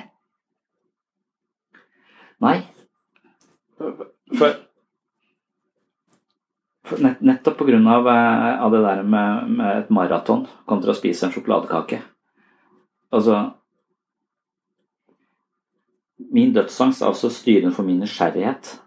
Eh, og det er styrende for hvordan jeg tenker om, eh, om, livet, og hvordan jeg er nysgjerrig på livet. Og hvordan jeg prøver å maksimere og være til stede her og nå gjennom meditasjon og forstå at det, veldig ofte så er jeg bare tenkt at når jeg har hatt med barnet så, ja, nå skal vi bare det, skal vi bare det, skal vi få lagt oss, og så kan jeg slappe av. Så, så stå, når jeg da kommer til det hvor jeg kan slappe av, så står jeg på siden av senga deres og ser de sover. Tenker hvor fantastiske de er. Mens når jeg var der, så var jeg helt inn litt foran meg selv. Jeg var helt inn foran meg selv, jeg var ikke til stede. Uh, og, og, jeg tenker, tenker på dette så, så, alle mine sånne nysgjerrighet på hva er ego, hvorfor er jeg så redd for å miste det, hvorfor er det hele tiden på vei videre, hvorfor er det ikke til stede her og nå, hva er det jeg er redd for her og, her og nå? Eh, så alle, alle, disse tingene, denne nysgjerrigheten, det driftes eh, kanskje litt av den dødsangsten, føler jeg. Eller den, den, ideen om å dø. Jeg tror ikke jeg får noe svar på det heller. Det er, vi kommer, kommer aldri til å få noe sånn fullstendig, fullstendig, svar på det. Og det, det, det finner jeg det litt tilfredsstillende på en måte, at det er noe jeg kan jobbe med hele tiden, men aldri helt komme i mål. Så det er et livslangt, eh, livslangt prosjekt. Og du kan si det er smertefullt, men jeg mener jo at det å løpe maraton er så jæklig smertefullt. Men at det kan være dypt tilfredsstillende hvis du klarer det. Det er ingen ambisjoner om å løpe maraton, så jeg er ikke interessert i, den, eh, i, det. Men jeg føler dette er litt likt. Mm. Altså at, det, no, at det å tåle den smerten, utsette seg for denne smerten, gir livet Freud er kjent for sånn sitat som sier at i retrospekt så er det de periodene i livet ditt hvor du strevde som verst, som i ettertid kommer til å bli ansett som de viktigste periodene i livet ditt også. Så det å faktisk ha noe smerte som, som krever at du er nødt til å undersøke ting litt nøyere, og ikke kan bare leve litt sindig og spise sjokoladekake og cupcakes og, og, og leve eh, som en glad, gladgutt, på en måte. Jeg tror det kan være litt overfladisk. Jeg tror det kan være gøy, eh, men, eh, men, jeg tror jeg ville, ville følt at det mangler noe. Så jeg tenker at vi er nødt til å akseptere disse, disse tingene, så at de er eh, at negative følelser har et litt dårlig rykte, og at angst har et litt dårlig rykte. Mm. Uh,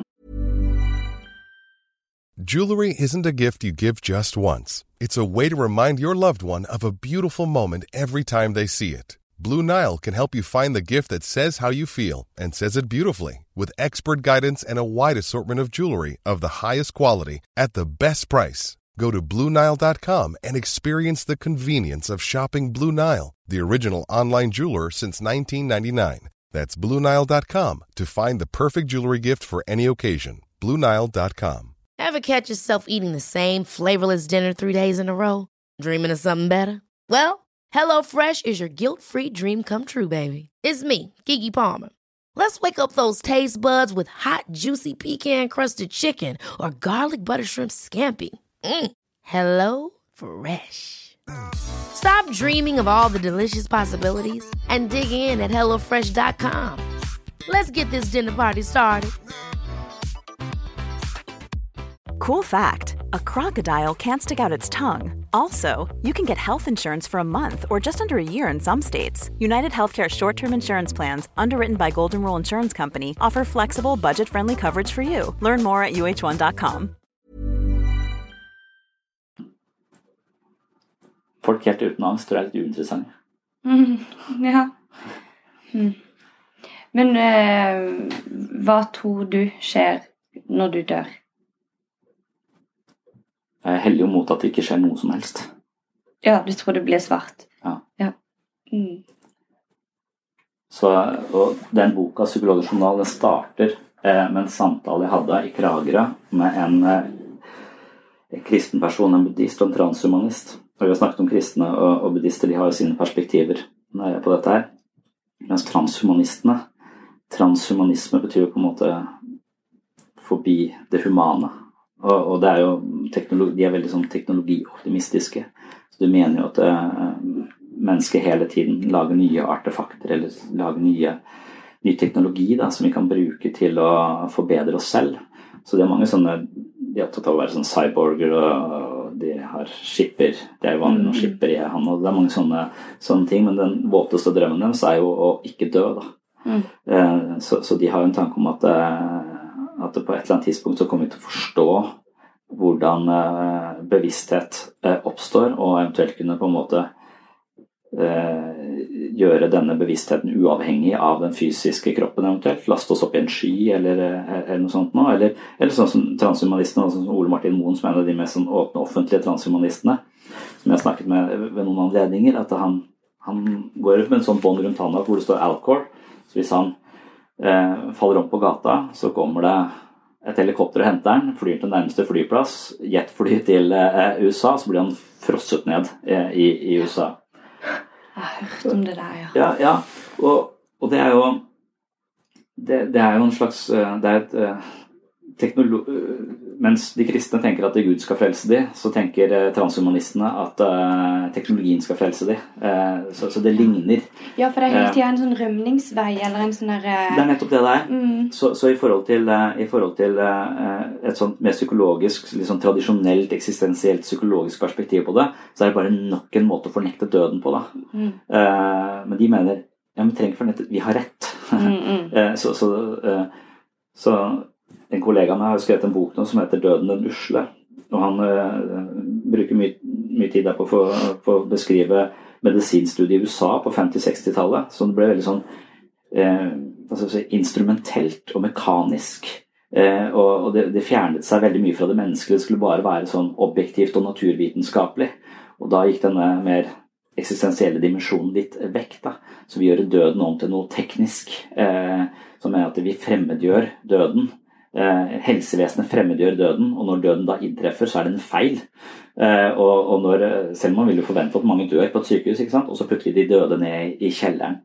Som Knausgård skriver masse om i Min kamp, hvordan døden hele tiden blir henvist til det nederste i sykehuset under bakken, og hvordan vi skal ha det vekk. Mm. på en måte, Vi, vi orker ikke. Vi, så hele samfunnet vårt er med på Eh, å institusjonalisere døden i sykehuset og fremmedgjøre og teknofisere døden, på en måte. Sånn at vi ikke, ikke skal ha samtaler om døden. Da kan du tenke at disse kafeene er en slags motreaksjon. da. Så nei, vi er nødt til å snakke om våre mest grunnleggende eksistensvilkår. Det kan ikke være en, en, slags medisinsk feil når vi dør. Mm. Eh, så du, tror du at folk som da eh, erkjenner eller ikke og får bukt med denne frykten for, for, døden, vil leve et bedre liv?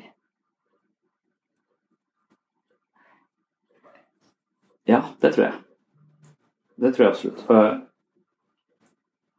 Men, men jeg tror ikke det nødvendigvis er eh, bare akkurat du skal rette det akkurat mot eh, den døden. Jeg tror at dette handler om uh, ego døden. Angst generelt, eller? Egodøden, tenker jeg. Så, uh, ja, så det, ja. det, er, det, er, på en måte to måter uh, det, det, er en type suicid vi er opptatt av i, uh, i, i, i helsevern. Suicid? Ja, selvmord. Det er, det er en type ja. selvmord vi, vi, heier på, og det er egoselvmordet.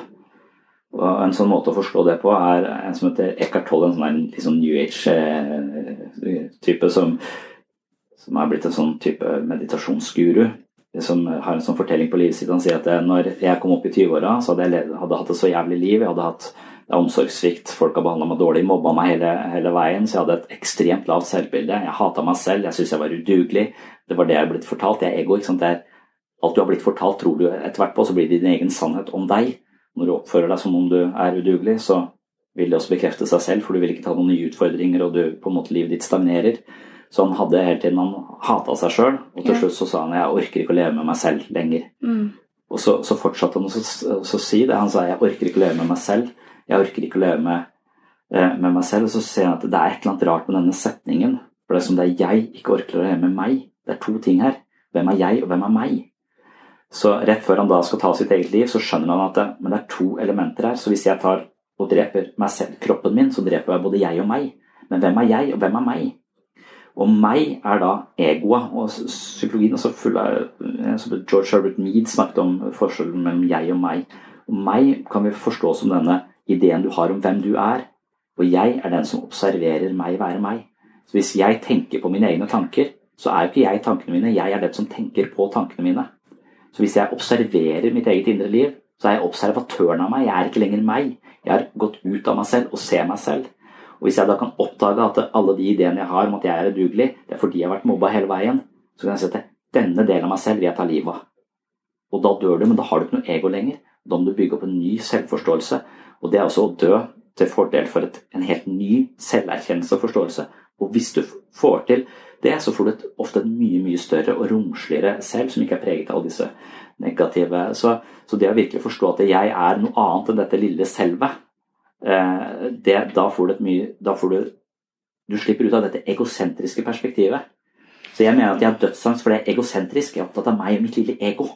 Eh, Det er det jeg ikke vil at skal vekk, for det er så utrolig fantastisk. Og alle må få oppleve dette lille ego som er meg.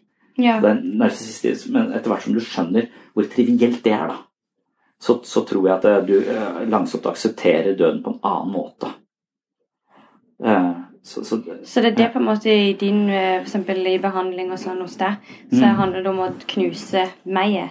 På en måte gjør det det. Og, og hvis du klarer å knuse meg, så vil du uh, få et lengre liv også. Paradoksalt nok, mener jeg. Eh, og det er fordi at eh, hvis du ikke er så innmari egosentrisk fokusert på at eh, jeg må ha noe fra deg for å føle meg hel, og hvis jeg er hel i meg selv Jeg har ikke noen sånne følelse at jeg må ha så mye mer. Hvis jeg er i balanse i meg selv, så er ikke mitt behov å få noe fra deg. Mitt behov er å gi noe til deg. Så, så du går fra å være egosentrisk til mer sånn Så behovene dine blir å være mer medfølende med andre. da. Og medfølelse og gode relasjoner, hvis det er noe vi vet gir et lengre liv, da, så er det evnen til å ha gode relasjoner med andre mennesker. Eh, Så når folk prøver å unngå døden, sånn som jeg prøver å unngå døden med å trene, spise sunt osv., det gir meg ikke noe lengre liv.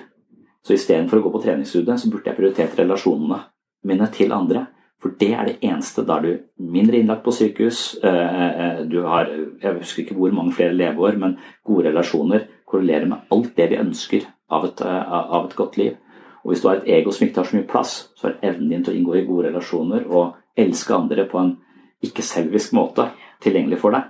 Det er det religion snakker om. Det er det alle eh, religiøse retninger snakker om. Og det er det psykologi også handler om. Det handler om å drepe disse egosentriske ideene vi har om oss, om oss selv. Så er den psykiske helsa viktigere enn den fysiske? Ja, det, det, det, kan man godt si at den, den, den psykiske helsa vil i hvert fall påvirke den fysiske helsa eh, Ja. veldig, eh, veldig mye mer enn man tror. Jeg tror ikke det er noen forskjell mellom den psykiske og det fysiske. Jeg tror den dualismen også kan være litt sånn Selv om jeg anser meg selv som en åndsarbeider som lever inn i en maskin som jeg ikke er så opptatt av kroppen, eh, så, så er jeg nok sånn dualistisk anlagt. Men jeg, men jeg tenker nok at den, det forholdet er mye, mye tettere enn enn man skulle, skulle tro. Så, så dypest sett så tenker jeg at etter hvert som jeg blir mindre og mindre egosentrisk orientert, så får jeg mer og mer forståelse for at det viktigste i mitt liv er jo å ta, være sammen med barna mine, være sammen med kona mi, være sammen med de menneskene som bryr seg om meg, og som jeg bryr meg om. Eh, og, og, og da vil etter hvert min egen død bli mindre viktig enn mine barns død, f.eks. Hvis jeg kunne velge, så hadde jeg ikke Det hadde ikke vært noe Det hadde vært et lett valg. Eh, sånn jeg ønsker at de Jeg er mer opptatt av de enn jeg er av meg selv, på en måte. Uh, og, og det tror jeg de flere, eller i hvert fall mange foreldre kan kjenne igjen, at jeg er veldig mye mer opptatt av at eh, de skal ha det bra. Uh, Og, og, det, og det anser jeg som kjærlighet. Kanskje den beste følelsen som er tilgjengelig.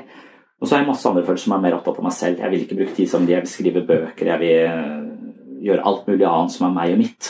Og, og der er jeg fortsatt. og det er liksom men det er den delen som eh, gjør at jeg lever på måter som ikke er helt riktig. Og det er den delen som også sannsynligvis ligger til grunn for en form for dødsangst i meg, som gjør at jeg ikke helt kan akseptere Det er det egosentriske perspektivet. Mm. Mm. Men eh, det med dødsangst eh, for seg sjøl, at man sjøl er redd for å dø, men jeg, eh, så tenker jeg litt på frykten for at andre også skal dø rundt. Ja. At det er på en måte henger jo sammen. Altså det er jo vel Mm. Ja, det, jeg er helt sikkert. Det er ikke noe jeg, jeg er fortsatt ikke avklart med døden da, for jeg vil ikke at noen rundt meg skal jeg vil, jeg vil heller at jeg skal dø enn noen rundt meg eh, Mm, mm. skal dø, med mindre det er de som er gamle, da. Som jeg på en Ja. måte er eh, klar over at jeg skal eh, Jeg har ikke lyst til å bytte plass med den oldemoren som akkurat døde, på en måte. Nei. Selv om jeg er veldig, var veldig glad i henne og syntes hun var en fantastisk person, så det var jo 96. mm. Ja, ja, ja. Hva tenker du? eh, Har du noen spørsmål som jeg ikke har stilt? Ja. Vi har mye bra. Jeg syns vi har mye bra. Jeg tenker heller man kan heller komme tilbake til Se på Og spisse, ja. Spisse det. Spis- Se på hva man har, og så heller ta det bolkvis, da. Mm. Man kommer på mer. Men jeg har jo kjempemye fint. Mm. Ja. Banker du på? Bare, bare. Ja, det går fint. Ja. Så, Nei, det tenker jeg. ja, nå er hodet bare Ja. Ja, men du, du tenker kanskje vi bør, bør være mer konkrete uh, på dette? Jeg tenker heller man kan komme tilbake på det. Ja. Men at det blir, det blir jo litt abstrakt. Ja, det er jo det, men det er jo, abstrakt, det er jo et abstrakt tema. Det er et veldig abstrakt Ja, eh, så det, tema. det er nettopp det. Samtidig som det er et veldig konkret tema. Eh, Ja. så, så det er det mest konkrete og det mest abstrakte. Ja, og det er da man skjønner at man blir altså, Ja. kokt i hodet også. Mhm. For det er så vanskelig å kunne Ja. sette øh, Ja, det er jo det som gjør det hele greia så Ja. vanskelig. Og ingen av oss kommer til å oppleve vår egen død. Det er også litt sånn eh, ja, jo. Nei, ja, men i, i det Å oppleve noe betyr at vi, vi må være bevisste for å oppleve noe. Og idet vi er døde, så har vi ikke lenger noen bevissthet, og da vi, kan vi heller ikke oppleve det. Så, så dermed så er døden noe som unndrar seg oss. Uh, uansett. Det er kanskje det som er mest skremmende ved det. Eh, det er så Vi du sagt det en gang til? Det der med at jeg, tror ikke vi skjønner det. Jeg, jeg skjønner ikke selv. Jeg, bare- jeg, Nei, for det skjønte ikke jeg. For jeg tenker hvis når jeg ligger på dødsleie, eller s- s- håper at det Nei, ikke håper at det skjer, men det, jeg håper at jeg er gammel, da. Du er klar over at du, du, er du kommer til at- Det, det, det er vi klar over. Altså, Mm. Eh, vi, vi vet vi skal, eh, skal dø, men vi kommer aldri til å oppleve det. For det å, oppleve noe krever at vi er bevisste. Og det å være død betyr at du ikke lenger har en bevissthet. Så du vil ikke være bevisst din egen død. Altså, du, det vil være et, eh, du vil nærme deg det, men idet du eh, er død, så vil du ikke lenger. Så døden unndrar seg oss. Vi vil aldri få førstehånds erfaring med døden nødvendigvis, eh, fordi at eh, vi da ikke har noen bevissthet, for det er definisjonen av å, Mm. av å dø. Men det er vel kanskje det mange religiøse kanskje tenker på at man vil At man kanskje opplever den overgangen. Ja. Og er det ikke mange som sier jo at de sånn der, nesten er døde, Ja, nesten ja. er så døde, og, og så har de vroom, kommet tilbake. Ja. At de har vært klinisk døde. Ja, jeg, jeg føler nok at de fleste sånne historier er eh, Tull. Ja. Ja. Mm. det er, jeg føler òg det er tull. Eh, så, så, så det kan man eh, Ja. Jeg, tror, tror det er litt sånn eh, eh, men, men, men på annen side, man kan ikke vite. Og jeg vil nok, jeg vil nok si at eh, hvis jeg heller mot en eller annen religiøs retning, så vil jeg nok kanskje kalle meg for panteist. da. Som er en sånn Aldri hørt om. Nei, det er en slags idé om at hvis La oss si at eh, verden fungerer jo som en på fysiske lover og prinsipper, og kroppen vår gjør det, og kroppen forholder seg til den fysiske virkeligheten.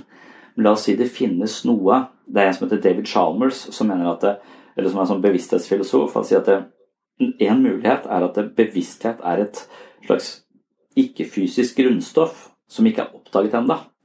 Eh, eh, så, så be, bevissthet er noe som på en måte henger på materien, men ikke, som ikke er en del av materien.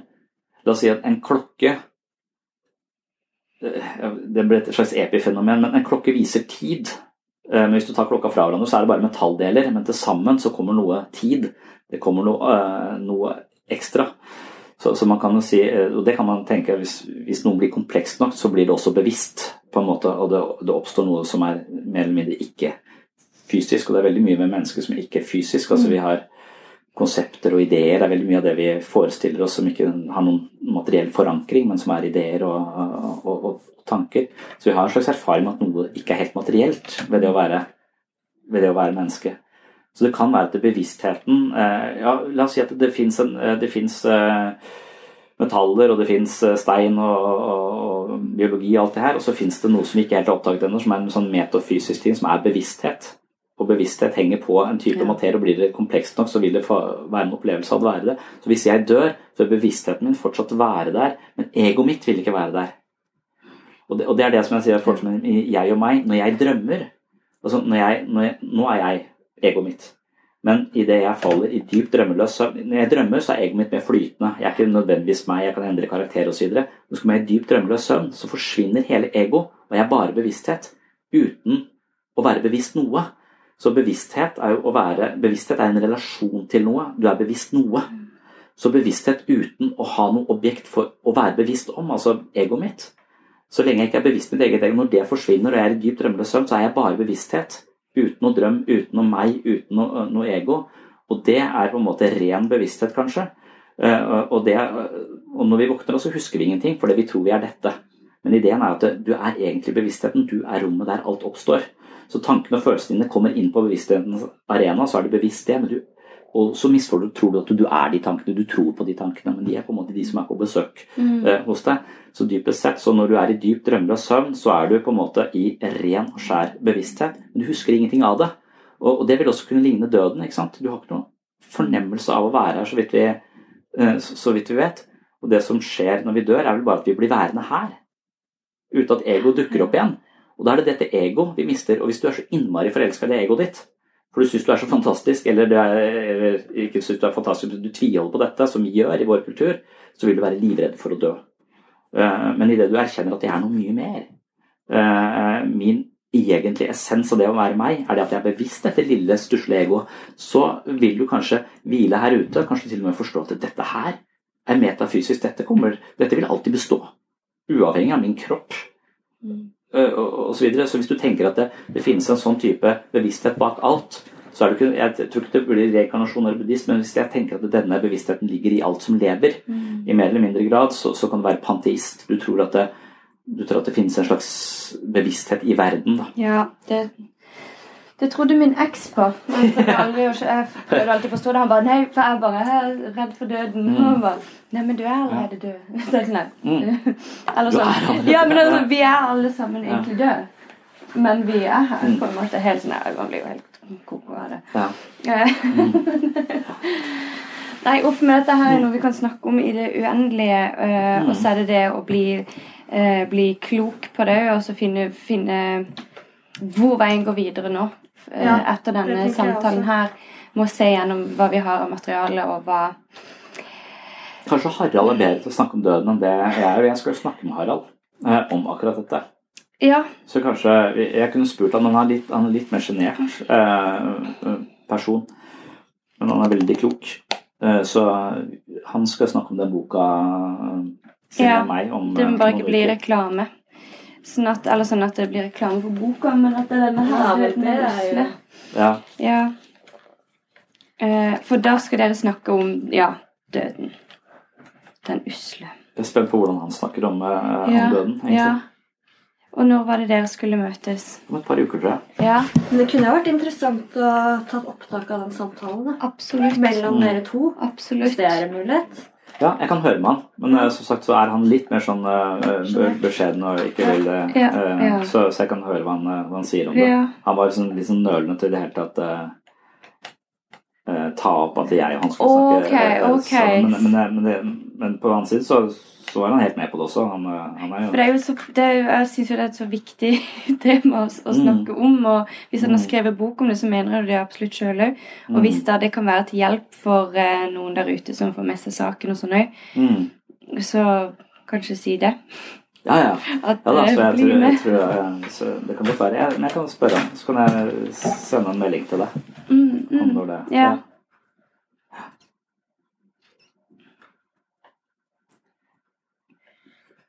Komplisert. Ja, men Mm. eh, så er det jo det om har det Det har jo alltid vært eh, I alle år så er jo dette her eh, Spørsmålet hva skjer etter døden, og frykten for å dø akt, Altså for alle. Hvert eneste menneske har jo en oppfatning av hva som skjer etter døden.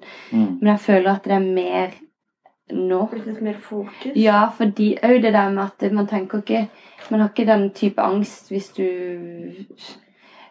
er i en krig, eksempel. Altså, jo, da, da har du kanskje Ja, det. Men, altså, det er dette det det vi har snakket om, at dette her med at folk har tid. Man har så mye folk har tid, tid ja. til å tenke på det. Før så er man ja, men en kri krise eller en krig eller sånne ting. Eller det er jo typisk sånn Jeg vet ikke om det stemmer, men at eh, det er jo ofte folk som kanskje ikke har så mye å gjøre om dagen. Folk som er i jobb eh, åtte timer om dagen. De har liksom ikke like mye tid til å tenke på det. Eller, sånn, eller i krig, da, så har man på en måte ikke tiden til å tenke på døden. Ja. ja, for da er du også opptatt av å sånn leve. konfrontert med døden nå, da. Som regel, jo, jo, det er det jo absolutt. det er veldig sånn hånd- håndgripelig for deg. Ja. Der er den. Jeg må unngå den. Ja. Eh, Jeg må leve. Ja. Men, Men eh, vi vet jo ikke når vi skal dø, og det er kanskje det som er Det- problemet ja. eh, for oss. At vi har for god tid til å tenke på det, da. Ja, og så, og så kan vi drive og lure på når vi skal, eh, Ja. eh, skal dø. Og den uforutsigbarheten tåler vi, eh, eh, i hvert fall mange av oss, ganske dårlig. Og det er også sånn som å si, eh, personlighetstrekk om vi liker å ha kontroll på ting. Ja. Og døden er en av de tingene du egentlig ikke kan kontrollere. ikke. Så, så det er veldig vanskelig å men, men så finnes det da et forsvar som sier at eh, et forsvar til omnipotens, hvor man tenker at jeg er noe som er hos små barn. De tenker at de er omnipotente, betyr at de har en idé om omnipotens betyr å tro at man er Gud. Så man er allvitende og, allmektig. Så, så et lite barn tror liksom at eh, bare jeg tenker om mat, så kommer mat. For det skjer ofte. Ja. det, «Ah!» og så kommer det noe. Så, så de, de er, og langsomt så skjønner de at det, de, er ikke, de må ta hensyn til andre. De er ikke, Tankene deres styrer ikke verden. Så, så langsomt så, så må de møte virkeligheten, og det blir en slags eh, det er en utviklingskrise for dem. Da. Eh, Og det er det som er smertefullt med å bli eldre, at du må skjønne at oi, det var ikke bare meg og mitt, det var faktisk må, Mamma har ikke alltid tid, og så, så videre. Så du får et mer nyansert perspektiv på det. Men hvis du krenker barns omnipotens på et tidlig tidspunkt, for tidlig begynner oppdragelsen å kreve for mye av barn på et tidlig tidspunkt, så vil ofte dette forsvaret dukke opp senere i, i, i livet igjen. Og omnipotens er denne bufferen mot at du er et bitte lite menneske i en stor verden du ikke kan håndtere. Altså Du er liten og maktesløs, mens en fantasi om at du er allmektig, det, tar på en måte buff, det er en buffer mot denne følelsen av maktesløshet. Når du er liten, så er du Du kan jo ikke holde hodet ditt engang. ikke sant? Eh, oppe, så du er jo helt hjelpeløs. Eh, og for å håndtere den følelsen, så dukker det opp denne omnipotente greia. Men når du da senere i livet ditt, hvis du blir krenka for tidlig, senere i livet på en måte så, så får en slags skade, ville Freud sagt, og senere i livet kan den samme omnipotensen dukke opp for nettopp å føle at man ikke er hva hva skal man si maktes, At man ikke er maktesløs. Og, og det, det er interessant, for at øh, når, du da, når du da dukker opp, så, så får du sånne ideer om at du er omnipotent. Du har øh, varme hender, overnaturlige eh, krefter osv. Det skjer når jeg, jeg mistenker at det skjer hos mennesker som er livredde eh, for å dø, livredde for uforutsigbarhet. Eh, føler seg bitte små i noe som er altfor stort. Sant? Denne, denne erkjennelsen at jeg er et lite, ubetydelig fis i et digert univers, At du da må gjøre deg sjøl viktig? Eller? den, den erkjennelsen er så tung å bære at den makter du ikke. så den, den, den kommer ikke inn i bevisstheten din. Den holdes ute av et psykisk forsvar som forvrenger denne følelsen og sier at du er omnipotent, du har overnaturlige evner, du er, er veldig kraftfull, så du får den motsatte følelsen for å, for å ikke lide psykisk sammenbrudd. da. For maktesløsheten den, gjør deg en sånn, den gir deg en sånn følelse av maktesløshet som du ikke kan bære. Den jeg har i dusjen. Eh, Det er da jeg får den der følelsen at det, når, når ting bare eh, uendelighet, øh, meningsløshet, døden, når det liksom treffer meg, den følelsen er så tung. Så for å unngå den, så har vi et sterkt psykisk forsvar som gir oss den motsatte følelsen av å være omnipotente og allmektige. Og da tror vi at vi har varme hender, vi tror at vi kan helbrede folk med krystaller, vi kan lese fremtiden til folk, så ting som før var uforutsigbar, blir forutsigbart. Du kan se handa di, hvor, langt, hvor lenge du skal leve. Og alle disse tingene her, det gir de som kan det, en følelse av å overvinne døden eller overvinne uforutsigbare med livet. Selv om det er en illusjon, men en illusjon som gir de sjelefred og, og ro. Og så er det masse mennesker som er like redd for hva fremtiden vil bringe, og de går til disse folka og betaler Ja. for å se inn i fremtiden. Så har du et system som funker. Og vi kaller det alternativindustrien. så, eh, så, så, så det er også en sånn Der har du eh, Begge parter får noe her, ikke sant? så kan man begynne å vurdere Er det bra? Altså, kan ikke de da få lov til å holde på? De med krystallene, de tror at eh, de eh, de helbreder noen, og de som får krystaller, de tror at de, de, de får det bedre. Så det er alle. Men problemet dukker opp når folk begynner å tro mer på det enn på cellegift, Mm. og velger det fremfor Mm. strålebehandling, Mm. og så dauer. Mm. Så, så den magiske tenkningen er litt sånn eh, ja. Nei, bare det Ja. Mm.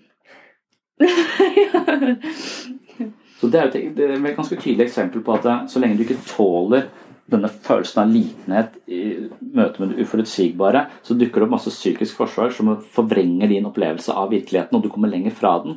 Og Da kan du i verste fall leve i en sånn der alternativ fantasiverden, eh, hvor du ser på deg selv som, eh, som en eller annen sånn trollmann, liksom. Eh, og det kan godt være du kan leve et liv der, men det er noe desperat over det prosjektet. Jeg tror ikke det prosjektet har en sånn dybde. Jeg tror det er litt som å drikke alkohol. Uh, også når du slutter å drikke, så kommer fylleangsten. Og bare, bare drikke litt mer for å unngå det. Ikke sant? Så jeg tror det er desperat å ikke tåle virkeligheten. Mm.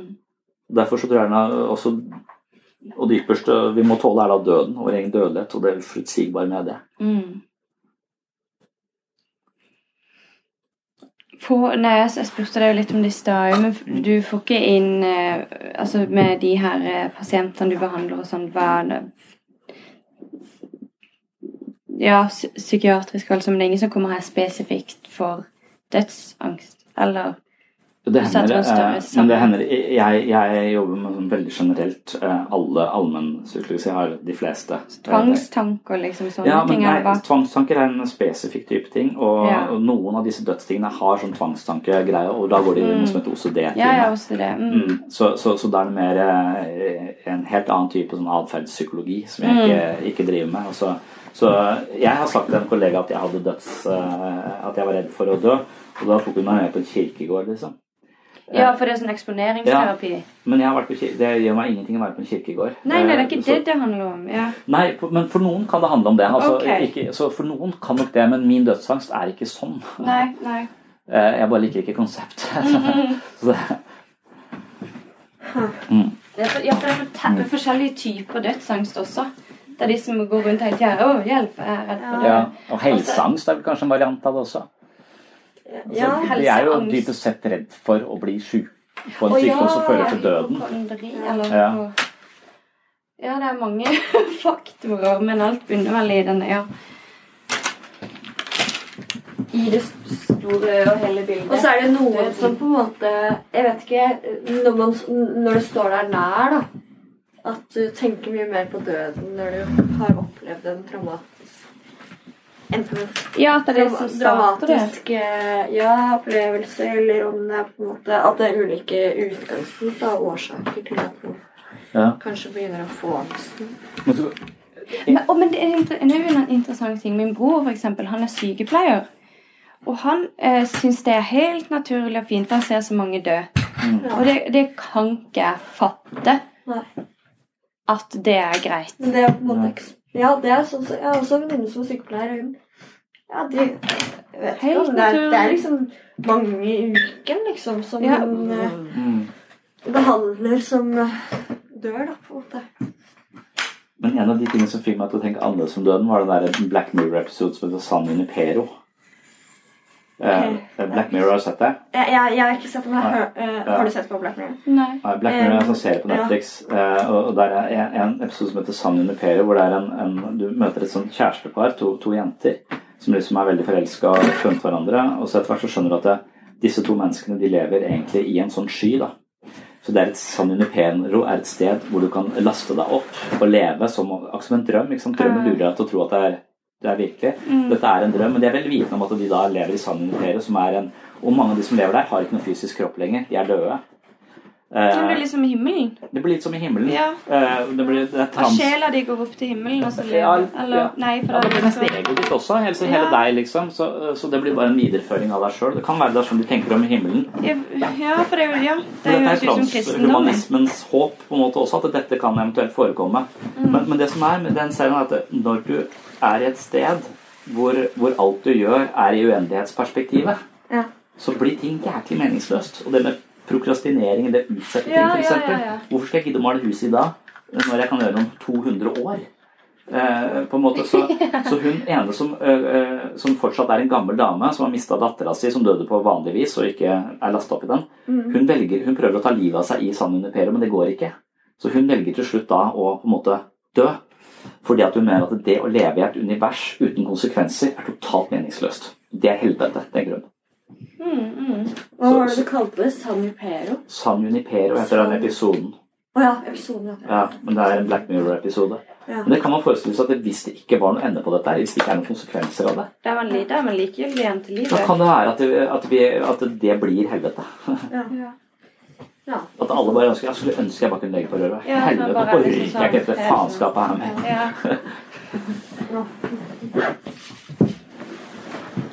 Men for jeg er jo på jakt etter en case, da. Som, altså Nå er jo du en, en case, men også en um, Du er jo på en måte psykologen.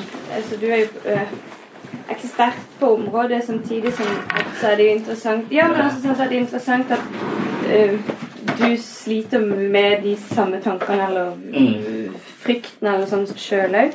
Ja. Men det hadde vært uh, interessant å få tak i en, en til person som, Mm. som sliter med dødsangst. ja.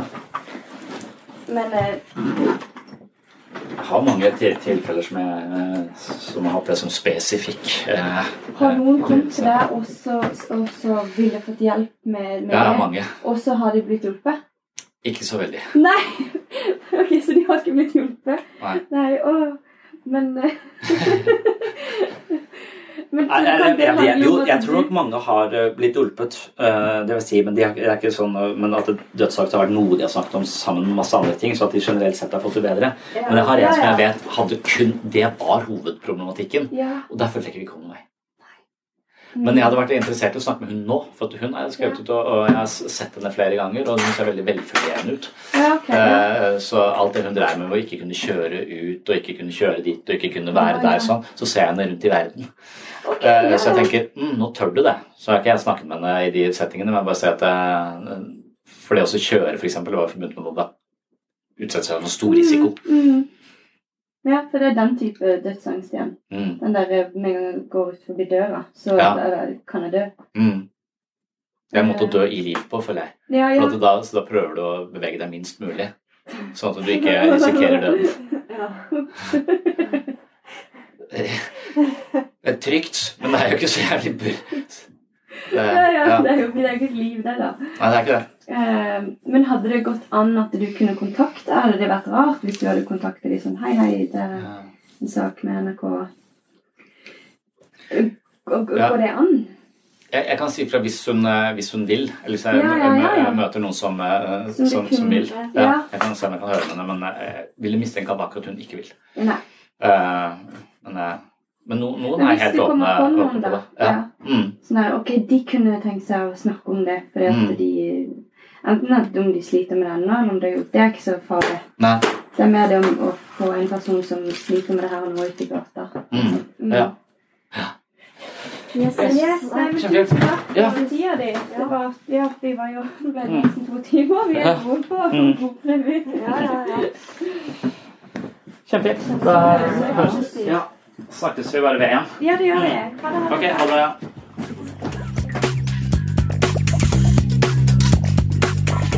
Da nærmer jeg meg slutten på dagens episode. Her jeg befinner meg akkurat nå, eh, regner det, så det kommer til å høres på dette opptaket. Det finnes ikke noe sted her som eh, er i ly for eh, lyden av regn. Og jeg hadde bare lyst til å få gjort ferdig denne episoden, så dermed så får du regn i bakgrunnen på de siste minuttene. Jeg befinner meg på en um, hytte helt uh, ute i havgapet. Jeg har vært alene i snart et døgn. Det er veldig sjelden jeg er helt, uh, helt alene. Så jeg har vært alene og tenkt på mye på døden. Men det har ikke vært noe, en dårlig ting. Det har vært en, en fin ting. Ikke nødvendigvis fordi jeg tenkte på døden, men uh, fordi at jeg fikk ro og tid til å samle, samle tankene. Madeleine hadde nok håpet at møtet med meg skulle opplyse henne om tematikken rundt døden, men jeg er redd for at jeg skapte mer forvirring enn oppklaring. Det er vel fordi jeg fortsatt er ambivalent til døden, og samtidig tror jeg at jeg er langt bedre til å skrive om dette temaet enn til å snakke om det. Det er mange temaer jeg kan snakke om med letthet, men døden er ikke et av dem. Hvis du vil vite mer om hva jeg tenker om døden, håndtering av dødsangst og hvordan jeg forholder meg til min egen dødsangst, er alt sammen utførlig dokumentert i Psykologens journal, som altså er en slags eh, faglig, eksistensiell, dokumentarisk sakprosabok med innslag av selvbiografiske elementer, og hvis ikke du har fått med deg enda, så får du den på webpsykologen.no. Takk for at du hører på Sinnsyn. Liker du podkasten, blir jeg glad for eh, tilbakemelding i iTunes, og veldig glad for alle som anbefaler podkasten til venner og bekjente, eller deler episoder og linker til sinnssyn i sosiale medier. Neste uke er jeg tilbake med en ny episode, men før jeg legger helt på, så vil jeg nevne at det selvfølgelig er mulig å håndtere døden med humor. Humor regnes som en moden psykisk forsvarsmekanisme, og en undervariant som kalles for galgenhumor, kan ha den funksjonen at den lar oss møte døden med en slags humoristisk distanse. Den tillater oss å nærme oss livets mest forferdelige realiteter uten å lide psykisk sammenbrudd. Dermed er galgenhumor, eller sort humor, noe som gjerne brukes for å nærme seg døden med en slags eh, humoristisk rustning. Siden jeg er opptatt av standup-komikere, kom jeg på at eh, Pete Davidson har snakket en del om farens død i sine show preget av eh, særdeles sort humor. Yeah, my dad, if you don't know, he was a fireman. He died 9 11. He was a very good dude. Uh, and I have a lot of jokes about it. And if you don't like the first one, you probably won't like the rest. What's cool about your dad dying on 9 11 is uh, I get all of his fireman gear. So whenever I smoke weed in New York City, I wear it. Yeah, so now people just think I'm a shitty fireman. But I'll be so high, I'll forget. Like, people come up to me and be like, You're a fucking disgrace. And I'll be like, You're a fucking disgrace. I'm like, Oh shit, I'm a lieutenant. I forgot. I'm very sorry. Have a good day, ma'am. I didn't really care when my dad died. I, it, it didn't bother me very much because I was seven. You don't understand things when you're seven. You know, if it, if it happened now, I'd be in a world of trouble. But I'm actually, it's weird to say this. I'm lucky it happened when I was seven. I know it sounds weird, but it's a, it's the real thing. Like, I remember my dad died and my mom was like, your dad's dead, but we got you a PlayStation 2. And I was like, yeah, cool. I was like, that seems about even. That's pretty fair. No, I'm serious. I really didn't care. I was like, I'm going to push my mom down the stairs and get a PS3. That was fucking ridiculous. It's my new life of murder and toys.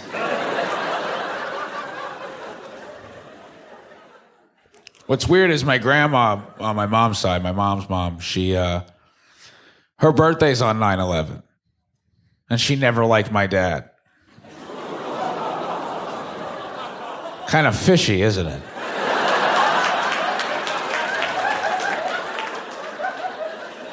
I always wanted to ask her. I always wanted to be like, hey, Grandma,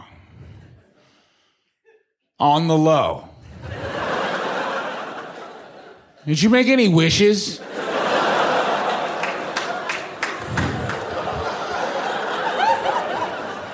I want to get a tattoo. Uh, I want to get my dad's initials. Um, it's a very like Italian Staten Island thing to do. I feel like Italian people are almost like waiting for someone in their family to die so they can go get a tattoo. I'm serious. You ever been to like an Italian funeral or wake and the son of whoever died has like the prayer card going down their side? You're like, how the fuck did you do that already? And it's like healed.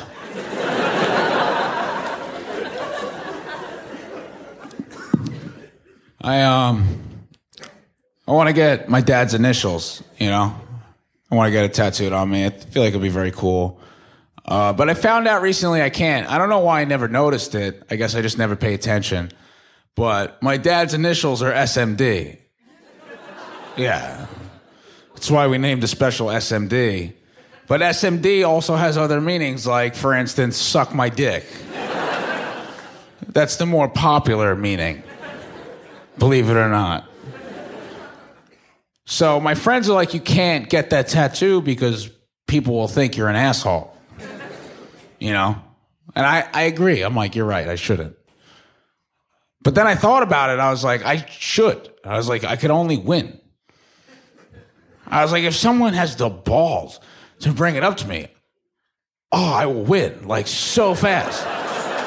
like I will never lose. It's so dope. Think about that. I'll have it on my neck, fucking having a good time. Girls come up to me and they're like, You're a fucking pig. All I gotta do is be like, "Mm." Actually, it's my dead dad's initials. And then they'll feel so bad, they'll probably suck my dick.